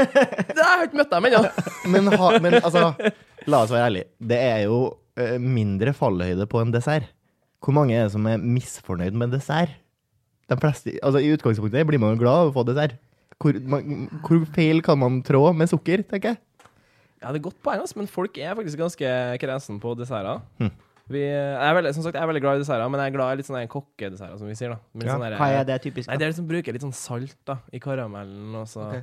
får fram litt sånn der, at ikke alt er så supersøtt. Ja. Veldig glad i den veldig syrlig, og Mm. kanskje litt sånn fett. Har liksom en nøttegreie som er sånn masse fett og salt, og alt det som gjør varmmat god, og alt andre maten god. Prøve å bruke det litt i dessertfronten òg, så ikke bare blir sånn flere lag med sukker. da. Ja, men er, altså, er ikke det dessert også, da? Må det være kokkedessert, liksom? Jeg føler at Nei, dessert nei. har jo blitt så mangt, det Ja. også. Det, man må jo prøve å bruke eh, ting fra litt overalt. Mm. Det er ikke bare søtt. Nei, det er ikke det, men det blir veldig fokuset på, på dem som er veldig innafor det med jobber med dessert. da, så er det Mm. det Hovedfokuset er jo liksom sjokolade og, og sukker. Og så jobber man seg ut fra der. Mens vi har kanskje Sjokolade. Mm. Men er Twist en fullverdig dessert? Twist innenfor det meste, men det er veldig dekadent. ja. Tar du en twist, så slår du på stortromma, Ja, altså. Okay. Det, det er ikke hverdagslig, altså. For jeg føler at Twist er mer en slags uh, konditordessert, mens uh, kokkene vil helst ha Smash. De får litt sånn Ja, salt. ja, også, ja, er i Smash. Salt og fett. Um, men uh, du snakker om at uh, du henter inspirasjon fra kokkebøker du har lest, og du har jo vært i Danmark og lært litt der. Eh, kanskje du liker liksom koreansk Har sett et TV-program om eller, koreansk, ikke sant. Mm, mm, mm. Men er det eh, noen kokker du vet om, eller du sjøl, som tar hensyn til litt sånn eh, mer sånn forskningsaktig eh, måte å finne fram til ting. Sebastian snakka eh, i går, hadde en samtale, eller forrige når det var, eh, om at det fins liksom en sånn eh, rate med blanding, liksom hvis du så mye Hva var det du sa? Så mye sødme Ja, det er jo, mye- det er jo forska fram til hvilken eh, miks av fett og sukker som er, og, og salt da, for øvrig, som er på en måte den perfekte miksen Oi. for mennesket. Som på en skje, liksom. Hvis du får i deg det, så er det liksom Ja, heller så har man prøvd å se på hvilke matretter som de fleste liker, Okay, de ok. Setter pris på, så ser man Taco, hva som på en måte havner. eksempel. Ja, man ser jo at sånn eh, mye donut og sånn havner på en måte i den der perfekte miksen av Ja, fett og sukker, og det er, jo, det er jo ikke noe tvil om at folk liker donuts. Eh, så det er jo på en måte man har målt opp en slags en, eh, jeg vet ikke om dere har sett, men en sånn tegneserie fra USA som heter eh, The Simpsons. mm. Der det er en karakter som er veldig glad i donuts. Hva heter han karakteren? Eh, det har, jeg heter, han er en sånn politi... eh, Wiggum, tror jeg det heter. Er Wiggum. Wiggum! er han som er hovedkarakteren i serien. Nei, Nei. Men han er veldig glad i donuts. da. Han er veldig i han er politi. Han er politi, ja. ja. Høres veldig stereotypisk ut. Men eh, har du hørt noe om det? At Er det noen som liksom har den approachen? Ja, jeg har hørt en som er ganske gæren på her. Jeg vet ikke om du har hørt om han David Chang, som Mm, holder på borti i USA. Han har starta sånn restaurantimperium og spredd seg utover hele New York og LA og Sydney. og eh, Veldig sånn profilert type, da. Mm. Og han har jo sånn der, på en måte gjort sånn eh, så gått helt imot da, alt det med klassisk fransk, og han er sånn herre Faen, hvis jeg vil ha gressløk på den der franske Eller hvis jeg vil ha uh, vårløk, da. eh, Kinesisk vårløk på den der franske eh, fisken min, hvorfor kan ikke jeg gjøre det? Og liksom gjort masse små ting over tid, da. Og han har jo på en måte Dere har sikkert hørt om MSG? Mm, nei. Det er da et uh, Du hold, Du er glad i Holiday Dip, ikke sant? ja, ja. Ja, du vet, vet du hvorfor Holiday Dip egentlig er ganske godt, da? Det er jo pga. MSG. Det er da monosodiumglutomat. Det er noe som er kjemisk fremstilt, som okay. åpner opp smaksløkene dine, da, basically. Fordi det føler jeg litt på når jeg spiser holiday. Så føler jeg det blir dratt litt inn. Ja, og det her er det bare tilsatt i liksom alt fra sånne pulver, holiday eh, gjerne som krydder på chips. Eh, tacokrydder òg, eller? Det er i tacokrydder. Oh. Det er i pommes frites-krydder. Ikke sant? Alt Piffig. det. Er du, Piffig. er du piffi, eller er du grillkrydder?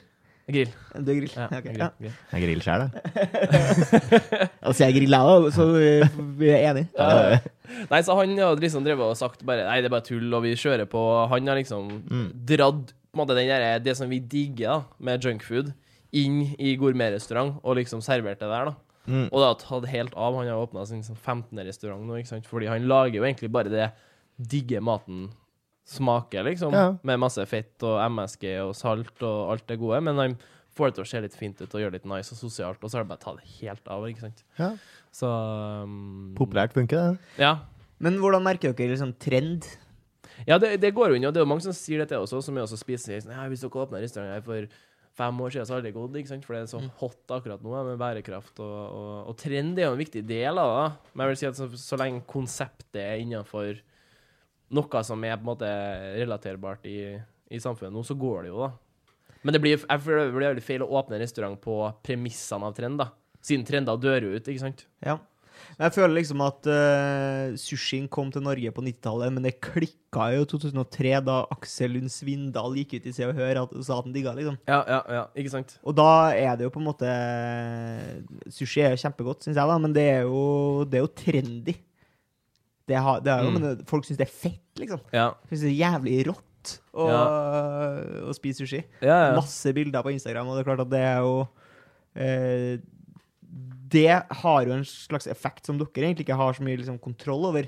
Annet enn at dere selvfølgelig som restaurant kan invitere influencers til restauranten deres og si 'spis gratis', og så tar de masse bilder. sånn. Ja. Ikke, ikke vær inne på tanken.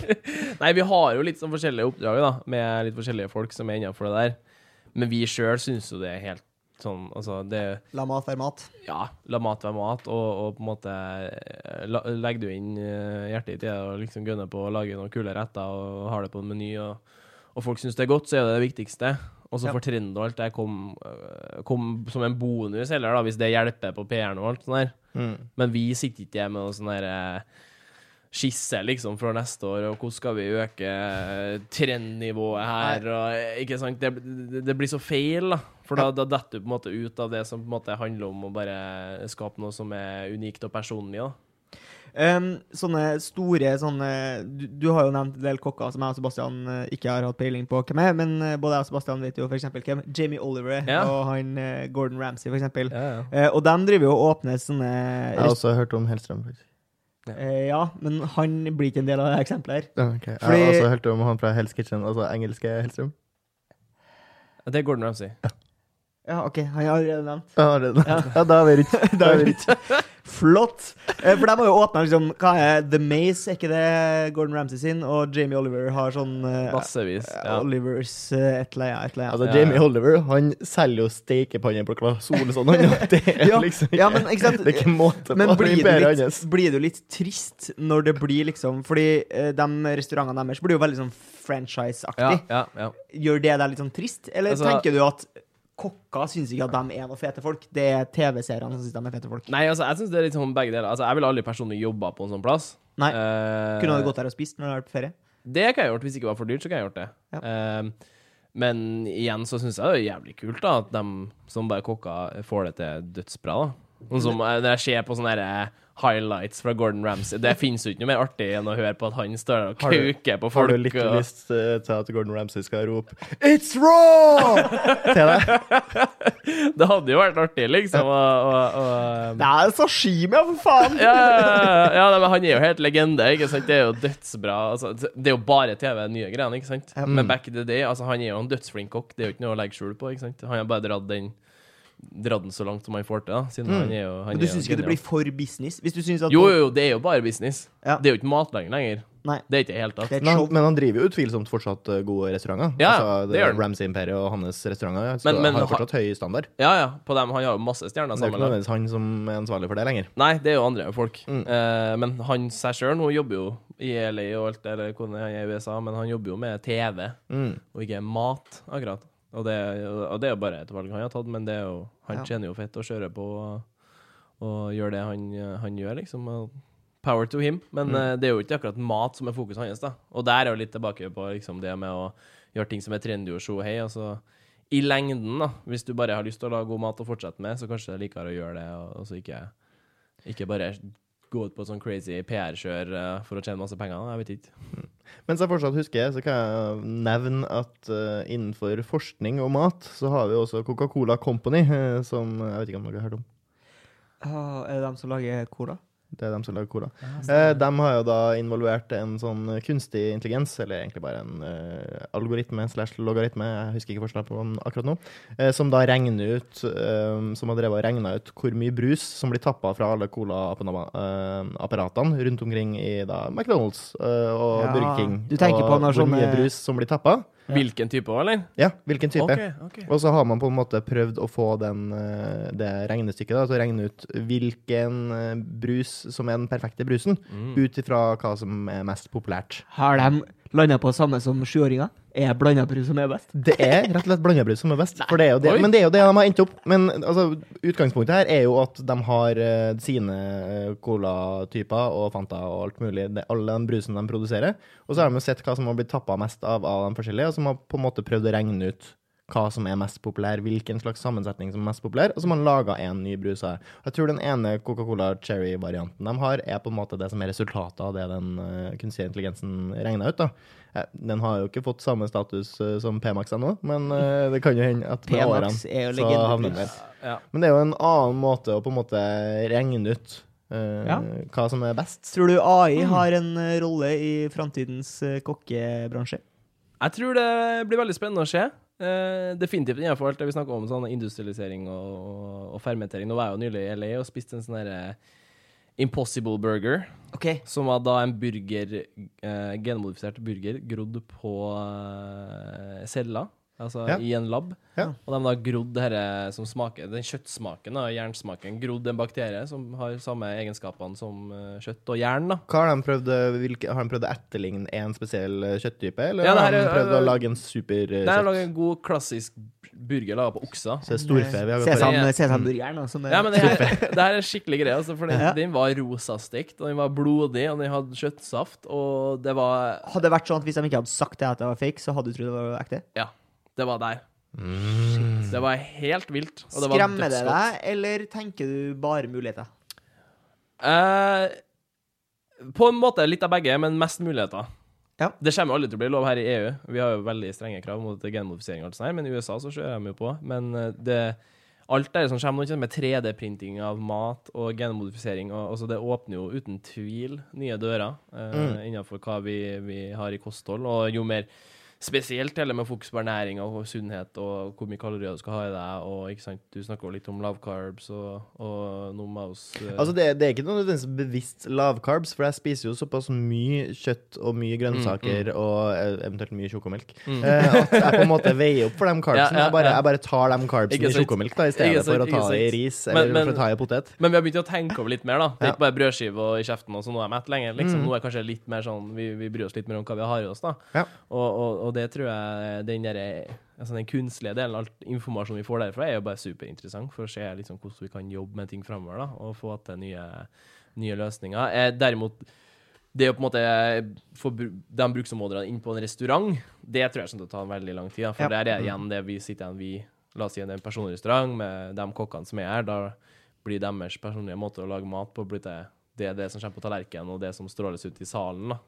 For eh, vi har jo fortsatt et stykke igjen før eh, AI-en står opp klokka to om natta for at han har kommet på en, et gammelt kokkeshow han så på koreansk TV. Og tenker at jeg kan jo prøve å tilberede, tilberede den franske retten her på koreansk måte. Ja, vi er ikke helt der ennå, men jeg håper at vi kommer dit. Uh, AI-en ett- setter seg på sengekanten og skrur på lyset, har jævla sterkt i øynene, finner fram blokka og bare skribler. Oi.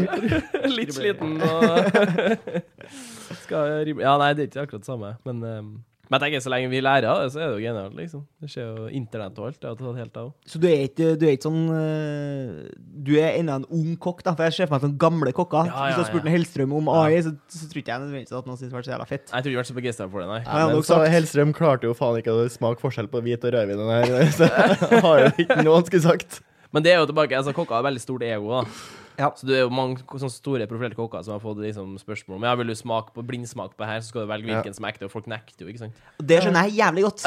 Det, etter å ha sett en Hellstrøm bomme, bomme gang på gang, så skjønner jeg jo det Hvis, godt. hvis, det er noen, hvis det er noen som hadde kommet bort til meg og spurt om blindtest, og så hadde de hatt et kamera på skuldra, så hadde jeg sagt det skjer ikke. Dere prøver det! Dere vil at jeg skal smake feil! Jeg vet jeg blir lurt, og hvis jeg, og hvis jeg ikke blir lurt, ja, da blir det ikke med i programmet. Det er jo så enkelt, det. Da jeg jobba i, i Mastiff en periode, og da hadde de slått sammen fredagspilsen med at programmet Matkontrollen skulle ha en Ja. test. Eh, og da Mastiff er da altså et produksjonsselskap, for dem som ikke vet det. ja, de produserer produserer TV. Eh, ja, blant annet Paradise Hotel Paradise Hotel. og 71 grader nord, og da altså Matkontrollen og TV2 Airplay. Og da skulle de da ha blindtest uh, blant de uh, uskyldige ansatte i Mastiff. Skulle smake forskjell på snurring, altså du, den hermetikkmaten du kjøper i butikken, som jeg er litt usikker på hva er for noe. Har ikke jeg prøvd det? Nei, men det tror jeg er noe flesk. Like greit, eller? Jeg tror det er noe fleskaktig Er det som står attmed en spagetti på kjøttbollene? Yes. Som vi der, ja. også vurderte å servere deg i dag. Altså spagetti à la Capri. Landa på kyllingvinga. Men, eh, men du da skulle da smake forskjell på snurring og eh, en eller annen form for hundemat. da. Bare for Oi. å liksom eh, teste. Ja. Folk forskjell. Ja. Og det gjorde ikke folk, altså. Folk, det var ganske 50-50 på hva- på hva folk syntes var best. Men var det, var det juksa noe med, eller var det bare varma opp, eller var det rått? Det var rått med bare en gaffel oppi. Ja. Ja. Ja. Og så var det ikke sånn gjett hva som er hva, men bare hva syns du var best. Og det var noen som syntes hundematen var bedre Ja, enn relativt menneskematen. 50-50 der, altså. Det syns jeg er helt dritt å høre. Nei. Men det er sånn at hadde Jeg tenker at det er Så sånn spør jeg jo deg nå, hadde du turt å ta den blindtesten? Jeg har lyst til å si ja, da. Men nå blir jeg litt sånn usikker, da. Jeg vet du hva, Hvis, hvis jeg står der og syns hundematen smaker jævla mye bedre, så skal jeg faen meg stå for det. Altså. Kommer du på jobb i morgen og bare Gutta, jeg, har tenkt litt på det hvis vi bare tilbereder noe hundemat med noe Fermenterer litt og slenger på noe sitronmelisse. Da Tror, kan- tror du kan bli rett nummer 19, ass? Ja, jeg tror det. Åh, Det er litt langt, tid å. Men uh, hvordan forhold har du fått til Altså, hvordan forhold har du til dyr? For det er jo mye, mye folk som kjører både vegetar og vegansk eh, Mm. nå for tida. Eh, du jobber jo med, med kjøtt hver dag. Eh, Mm. hvordan, hvordan er det? Tenker du noe på dyret? Tenker du noe på velferd? eh? Ja, jeg, jeg gjør jo mye. Altså, nå, eneste sånn rødt kjøtt vi serverer nå, er jo faktisk geit. Ja. Eh, og det er jo på grunn av eh, Den går jo fritt, gjerne. Den går fritt, og folk vil jo ikke ete geit. vi spiser fårikål, liksom, og det stopper der. Mens Men eh, vi- det, det er jo mest på grunn av karbonavtrykket, da, eller? At man går For vekk vår fra del? rødt. Ja. Eh, nei, altså, det er mest fordi eh, For min del, i hvert fall. Jeg vet ikke akkurat hvorfor, hva de har tenkt før jeg, før jeg kom dit, men det er jo litt spennende å servere annet rødt kjøtt som er like godt, om ikke bedre, Mm. enn storfe. Storfe blir jo veldig fort sånn Det er jo godt uansett, på en måte. Ja. Det er mye lettere å lage en god rett liksom, med en biff og noe saus og bearnés, liksom, enn å skal lage Det er vanskelig å gå feil med biff og bearnés. Ja, det er, det er ganske vanskelig. Det blir godt likevel. Ja. Um, så ja, eneste rødt kjøttet vi har nå, er jo eksempel eh, geit. Da, og det er jo mye på grunn av at uh, Norge det er mye geit. Um, vi jobber mye med skje òg, men så fant vi ut at når geitene blir større, så er jo det like bra. For det er jo det, er jo det som gjerne hvis de eh, bøndene får geiter, så går jo hundegeitene. De produserer jo melk. Mm. Mens manngeiteren er jo bare en byrde. Det? Koster jo penger og, Ja. og mat dem, og alt sånt her, og så blir de gjerne bare slakta. Ja. Men så har vi fått muligheten til å ta inn skje, og så har de tatt vare på noen av skjeene som blir til voksne, og så smaker de like godt. Så da, da bruker vi det. Men det er Om å si at det er direkte oss kokkene, er jo ikke akkurat helt inn i dette med, med å måle liksom karbonavtrykket på, på rettene våre, men det er jo mer for å få fram en ganske kul råvare som som Ja. smaker dødsdigg, og som vi har så tilgjengelig. da. Men betyr det at en del av de andre rettene deres er da vegetar, eller er det Ja, vi har mye, mye grønnsaker og mye sjømat da, og vegetar. Um, så vi har på en måte liksom en sånn fem-seks retter hvert segment. da. Men eh, styrer dere unna liksom oppdrettslaks og sånn? ja, ja, ja. Definitivt. Hva, det- hva, hva høster dere av havet, da? Stort sett? Nei, vi har jo uh, Nå har vi jo mye eh, tang, selvfølgelig, som vi prata om. tang, Fiskebein. eh, Men styrer dere vekk fra oppdrettslaksen fordi den ikke er bra nok råvare? Ja, det er bare, bare kvalitet. Det, er- det er så det, det, er ikke noe, det er ikke noe baktanke der. Nei. Det er bare Det er så dødsmye høyere kvalitet på villfanga fisk, da. Men er ikke det et problem nå at, uh, at oppdrettslaksen rømmer, og så parer den seg med villaksen, og så blir det bare et krem? Jo, det har jo vært noe mye opp og ned med greiene der, da. Eh, Og de, de teinene er jo definitivt uh, ikke alltid sånn 100 da. Nei, og så er det jo jævelsk mye laks, da. Så eh, Ja, da skal det til at ingen liksom rømmer, eller at det ikke skal skje noe galt, da. Ja, ja. Men det som for eksempel, har du villaksmenyen, så er jo det fordi at da er det akkurat i den sesongen i sommeren, ikke sant. Du har fått en fisker til å ta den ned, og så er det Da blir det liksom på menyen i en uke, ikke sant. Så det er jo veldig kort tidsperiode du får muligheten til å få tak i de her greiene her, da. Så det er mye sånn det blir veldig sånn sesong Og så spørs hvem du har, da. Hvilke bønder du har, hvilke uh, jaktere du har. Ikke? Jeg jobba før på Kontrast her i Oslo. Da, da hadde vi jo jaktere. Jakta på elg. Ikke? Plutselig fikk vi elghjerte. For du kaller dem jaktere? Ja, eller jegere. Jaktere, jegere. Ja. Sankere. Sånn, folk som plukker sopp. Sankere. Og de kommer liksom på døra vår og har vært og skutt et dyr og har med seg noe sjølplukka sopp og har lyst til å selge ikke? Det er mye sånne folk som bare dukker opp på restauranter. Mm. Ja. Yes, det visste jeg ikke. Nei, det visste ikke jeg heller. Men det er jo klart, kanskje der hadde gått hvis jeg hadde Ja, uh, drept, drept, drept et dyr ved et uhell. Roadkill. Av grevling, da. Introduserer grevling. Men hvordan er, hvordan er geita? For jeg har Ja. hørt et rykte om at geitekjøtt egentlig er kjempegodt. Det er bare at Ja. det på en måte er ikke kultur for det. At det er Nei, det altså. Det som vi eh, forbinder med geit, er ofte at det kan være sånn fjøssmak iblant. Ja. Eh, Det er jo egentlig en genfeil som de fjerna nå åtte år tilbake. Er det en genfeil at de smaker fjøs? Mm. Okay. Faktisk, den smaken der, da, fjøs og at det smaker stramt og sånn, det er faktisk en genfeil, da. Uh, så det har de fjerna nå. Så avla det bort, da, eller? Har de fjernet sjøl, eller er det mennesker som hjelper dem? Jeg tror jeg hjelper dem litt. Hjelper deg litt. Få litt hjelp. Få litt hjelp. Eh, Ja, så skal du ligge med, ligge med geita der, da må du ha kondom, ja. Men eh, skal ikke ha noe videre. Nei, ferdig med gjengen der. Vi har kappa av den beina og smakt på den. Det smaker Fjes. ikke bra. Det er altså. Eh, Nei, så geita det er veldig godt, veldig godt stykningsdel. Altså. Mm. Og hele, vi bruker jo alt fra låret til fileten. Tørrmodne, eh, nakken og kammen og alt det der. Og så lager vi terriner og forskjellige ting på lårene og ting som er litt seigere, da. Men blir like godt da hvis du bare tilbringer eh, litt tid på få fram smakene. Hvis du skal sammenligne med lammekjøtt, da? Ja, jeg vil si at det er ganske likt. Det er Ja. nesten sånn blanding av lam og storfe. Ja. Jeg har blitt veldig eh, glad i det. Det høres jo prima, ja, det er prima ut. i Mine Dere må bare ta turen og Ja, ja. smake bare geitaren. Prøve oss på geit, ja. Hvor mye må man punge ut da for en helaften på her? Eh, prismessig nå så tror jeg vi ligger på rundt en 1400. Ja. 1500 for Mm. full matmeny, ja. Mm. Og så kommer vinpakken i tillegg. Ja. Hvis du skal bli full, da. Ja, skal. Og, ufordragelig. Det, er, ja. det må ikke, da. For det er jo også et spørsmål hvordan forhold har du fått til vin og øl Mm. og drikkevarene også, som kommer med all den maten du lager? Nei, jeg har jo eh, sånn ikke med vilje, da, blitt sånn mer snobbete. Ja. Siden alle rundt meg har så sykt mye god drikke, da. Det går liksom ikke i Black Tower og Urge og vodka lenger, liksom. Det er jo the holy trinity. Så det er jo åpna opp en ny verden, da. For, uh, spesielt når jeg jobber på Credo og sånn, og det starta med han Kalle Riesling som åpna opp der, og skulle Mm. ha god mat da, med vinen sin. Så der jobba vi mye med på en måte der vi uh, gjerne smakt på en vin og laga retter ut av det. da. Ja. Så det er mange restauranter jeg jobber på der det er på en måte vin er såpass stort fokus da, at nesten maten kommer etterpå. Men får du til det? Får du til å smake på en vin, og så kan du tenke deg til hvordan matretter som funker den vinen? Ja, så Noen ganger så er det jo visse ting som fungerer veldig bra sammen. da. Ja. For eksempel, hvis Hva er det da? Sånn, nei, la oss si, vi hadde, Det som godt eksempel nå er jo en vin som eh, Eller egentlig ikke en vin, men en sake vi har på menyen nå, som er veldig spesiell japansk sake. Ja.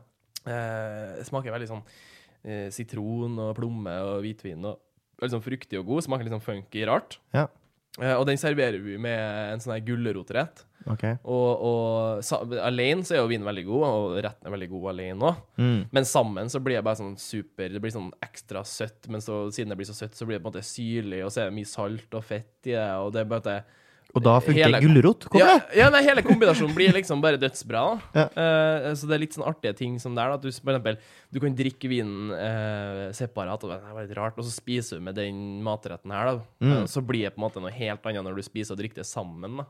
Ja. Så det er jo veldig spennende i seg sjøl, for da får du på en måte enda mer en kompleks opplevelse når du sitter her. Kanskje ikke bare spiser masse crazy mat som er gjort masse med, men du også får viner som du ikke ville ha drukket på egen hånd, men du bare sitter her og grunn av at den retten er på en måte laga til med den vinen da, i, Mm. i, i baktanke. Jeg tenker jo at det er jo kanskje en smart approach, da, fordi man, hvis man snakker om at nordmenn ikke er så veldig glad i å bruke så mye penger på mat, så vet vi at nordmenn er jo veldig, kan jo godt bruke mye penger på vin. da. Vin Mm. er jo det man kan Mm. bruke kjempemye penger. Jeg vet ikke Mm. om du så han her nordlendingen som hadde ligget tre døgn i telt utafor polet på Løkka og skulle kjøpe seg vin for en halv million. Ja, det er noe bra Ja, vinslipp i, i, i Norge, altså. Ja, men er, har du blitt en sånn vinkis? Er, du, er du på jordsmonn og Jeg- rankehøyde og sånne ting? eller? Jeg har ikke blitt så snobbete. Det har ikke jeg. Men, Jeg har- men jeg- jeg- handler jeg- det om at du ikke vil, eller handler det om at eh, du liksom ikke klarer helt å skille det? Så det tror jeg så, øh, Mest sistnevnte, tror jeg. Ja. At det er liksom, jeg er veldig glad i vin og, og smaker men jeg, jeg har ikke den, den samme interessen av for mat. da. Nei. Altså, Når vi smaker nye viner, så tar jeg gjerne bilder. Jeg må prøve å huske på dem, liksom, og jeg er veldig opptatt av at det skal være bra sammen. Mm. Men det er liksom ikke sånn at jeg har så mye tid til å gå ut og drikke masse vin, så det blir på en måte en sånn bonusgreie. Og når jeg er ute, så er jeg gjerne ute med andre restaurantfolk, og de er jo så sinnssykt ruta at de bare Vi tar den og den og den, og så er jeg bare Oi, det er bare sykt godt. Og de bare Ja, jeg vet, liksom. Det. så, så da blir liksom man, man lærer litt av dem. Men det er ikke sånn at jeg samler på vin. Jeg har ikke Du har ikke noe vinkjeller ennå? Nei. Jeg hadde et vinskap før, men jeg solgte det. Det var aldri noe vin oppi så jeg har ikke helt klart å, å komme meg ut på den vinfronten like, like godt. Jeg er veldig glad i det, men, eh, men eh, har vel ikke hatt tid og passion og, og den delen der. Men veldig glad i det, fordi La oss eh, hoppe noen år fram i tid, da, muligens. Hvordan ser liksom den restauranten du eventuelt har åpne, lyst til å åpne, hvordan ser den ut? Ja, nei, det er et godt spørsmål. Eh, som vi snakka om tidligere, da. eh, Kokker er jo ganske gærne og prega av eh, litt sånn robuste arbeidsdager og mye timer. Eh, Mm. Og det som går igjen dessverre veldig mye, er jo litt det med, med, med psykisk helse. da. Folk har litt sånn opp og ned med å, å på en måte cope med sine ting. da. Så definitivt det som blir opp, altså oppdraget vårt til den generasjonen her, da, som måte med unge kjøkkensjefer og folk som åpner restauranter, er jo på en måte å prøve å gi et slipp på gamle. Gamle er jo veldig hardt. Du skal liksom stå på, du skal ikke vise følelser, du skal bare gjøre jobben din og holde kjeft og på en måte holde hodet ned og på en måte sånn. Men det vi jobber litt med de yngre, er å ta vare på hverandre. Ja. Være litt jovial, sosial og høre på hva folk ikke sant? Alle er jo forskjellige, alle trenger jo Rett og slett jobbing med arbeidskulturen. eh, ja, det er jo det. Og, og, og ikke minst, du får jo det beste av, av teamet. Du gjør ingenting alene. Du har jo et team, ikke sant? Og, og um, hvis du klarer å og at alle på den spesifikke restauranten eller teamet trives, så får du jo mye mer ut av alt, og folk er glad, og det smitter jo på gjester og arbeidskultur, og, og det bare føles mye bedre ut, av, rett og slett, mm. hvis folk trives. Så det, sånn ser bort ifra maten og hvordan alt det der blir, så tror jeg det viktigste er å bare ha folk som har lyst til å dra på jobb, og folk som trives, da, og har det Mm. bra. Tror jeg blir en av de viktigste fokusene for, eh, for oss da framover, Og prøve på en måte sant, Alle de plassene jeg har lært på, både på Noma og Shohei, det er jo god gammeldags kokkekultur, liksom. Du blir kjefta på, du får, du får dritt, liksom, og det, det er ganske hardt, da. Så, og det er også en ting vi strever med ved rekruttering. Folk har jo ikke lyst til å jobbe i arbeidsmiljøet, og det skjønner jeg veldig godt òg. Ja. Så det tror jeg blir en av de største på en måte, endringene, i hvert fall for min del personlig. Ja. Det, Er, er du organisert i fagforening og sånn? Nei. Nei. Aldri vært. Hver kokk sin kniv, si. Ja. Men eh, på mat, matmessig, da? Hvilken eh, restaurant er det matmessig? Nei, det blir jo selvfølgelig, hvis det blir eh, planen, er å få til noe her i, i Norge, uten tvil. Mest Ja. sannsynlig nå i Oslo. Så da blir det jo råvarer som gir mening. Norske råvarer, få fram det. Eh, mye sjømat, mye Mm. grønnsaker, eh, og mye mye jobbing med på en måte litt av den der Få fram smaker. Det vil ikke være makt, da. Jobbe mye i fermentering og preservering. Og, ikke at det blir det nordiske preget, men, men det å ha god kontakt med leverandører har jeg funnet ut er veldig viktig. da. Får du på en måte en fisker som drar opp den kongekrabba og drar opp de skjellene, eller de dykkerne som får tak i det. altså det Mm. det er så essensielt. sant? Vi, vi eksporterer jo sjømat ut fra Frøya og langs hele norskefjorden ut til Japan og land i hele verden, siden det er så bra kvalitet. Så det skulle bare mangle at vi serverte det her, ikke sant. Mm. Så Nei, det blir sånn Det høres jo litt kjedelig ut, men det blir liksom Ja, norske råvarer og gode teknikker, og så får vi bare se hvordan det blir. Hvor eh, viktig er det med connections? I, kanskje ekstra viktig da hvis du er restaurantsjef. Eh, hvor mye jobb er det som liksom legges inn her, tror du? Jeg vet ikke om du har Nei, det, altså det med å bygge nettverk og ha kontakter er jo veldig viktig. da. Og, og som sagt, er bransjen mye ting skjer. Plutselig noen som blir syk, ikke sant? da må noen som stepper inn. Eller, eh, men spesielt det med leverandører. Få til bra samarbeid og dealer. og Det er jo noen kjøkkensjefer som eh, så syns de har funnet så bra leverandør plutselig at de setter monopol på han. da. Du skal bare levere til meg, og ingen andre får av deg. Det er liksom skikkelig kriger da, mellom eh, leverandører bak, eh, bak, bak ryggen til folk. For det er jo det er du kjøkkensjef og jobber mye med greiene her, så er det jo det du sitter på mye med telefonen, er å på en måte få tak i råvarer og få tak i det best mulige, og, og på en måte samarbeide med folk, da. Bønder og Så mens eh, resten av Norge tenker sånn Ja, ja, er det så farlig om tomaten kommer fra Norge eller om den kommer fra Belgia, så tenker du at det er faktisk jævlig viktig for meg at det er et fungerende eh, landbruk i Norge. Ja, for meg så er det veldig viktig. Altså, jeg synes jo, Du ser jo bare England nå, som skal gå ut av brexit. Og de har jo øh, vært så relied on ikke sant, på øh, importert mat. at Det er de- så artig, det. At det landet som faen ikke produserer en puck sjøl, skal melde seg ut av Ja, men- men de det har jo- ingenting. De har ingenting. Ja, men det er jo, du skyter jo selv i foten, da. Ja, Og det da- er helt håpløst. Og vi i Norge har ekstremt store landbruksområder, bare vi fra Trøndelag. Vi står jo for Ja. over 40% av landbruket i, i, i Norge, og det er dødsmye bra eh, råvarer. Så hvorfor ikke prøve å bruke dem utover året, og så heller kanskje gro litt andre ting, da, fra, eh, som kanskje ikke nødvendigvis er ting som har vært i Norge før, men det var ikke poteten heller, tenker jeg. da. Så Nei. da kan jo heller begynne å gro ting som kanskje vi har fått fra andre land, men som Chili, Sebastian. Chili Ja. kan vi også begynne å Nei, vi har en chilimann som driver og vekster litt. Har Altså, dere? vi har det. Er chilikliss? Det, det Nei, ikke helt Har du sett det klippet med han uh, Steffen Iversen, han fotballspilleren, spiser chili? Nei. Ja, det er helt rått. Ah, det det kan er være et en eh, bra klipp. oppfordring til alle som hører på. Kan gå inn på YouTube og søke opp en Steffen Iversen som er chili. Det er altså det drøyeste. Han tar den chilien ganske bra. Ja, han gjør det. Mm, uten å spoile for mye.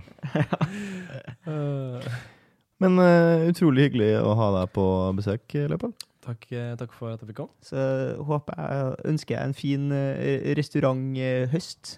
Nå Jo. som det blir mørkere så, og folk syns det blir litt sånn trist, så kan de gå på og spise masse mat. Mm. Ja. Slukk sorgene med mat og Ta- Øl- ølkart. Ja. vinkart. Raskt, har du en annen anbefaling enn egen restaurant? Eh, for å Spise i Oslo? Ja. Ja, eh, jeg syns jo min tidligere arbeidsplass har vært Ja, da må veldig bra. Si Mækkern, kaller han det. Nei, jeg liker veldig godt eh, fried chicken. da Så de har uh, Way Down South, en restaurant. Ja. Det er noen gutter fra Australia og Amerika. Mm. Det ligger én på, i Markveien her, på Løkka. De har bare fried chicken, og så har de en barbecue-bule på uh, overfor Youngstorget her. Ja. Sykt bra. Og så et siste spørsmål. Er sulten den beste kokk? Mm, ja.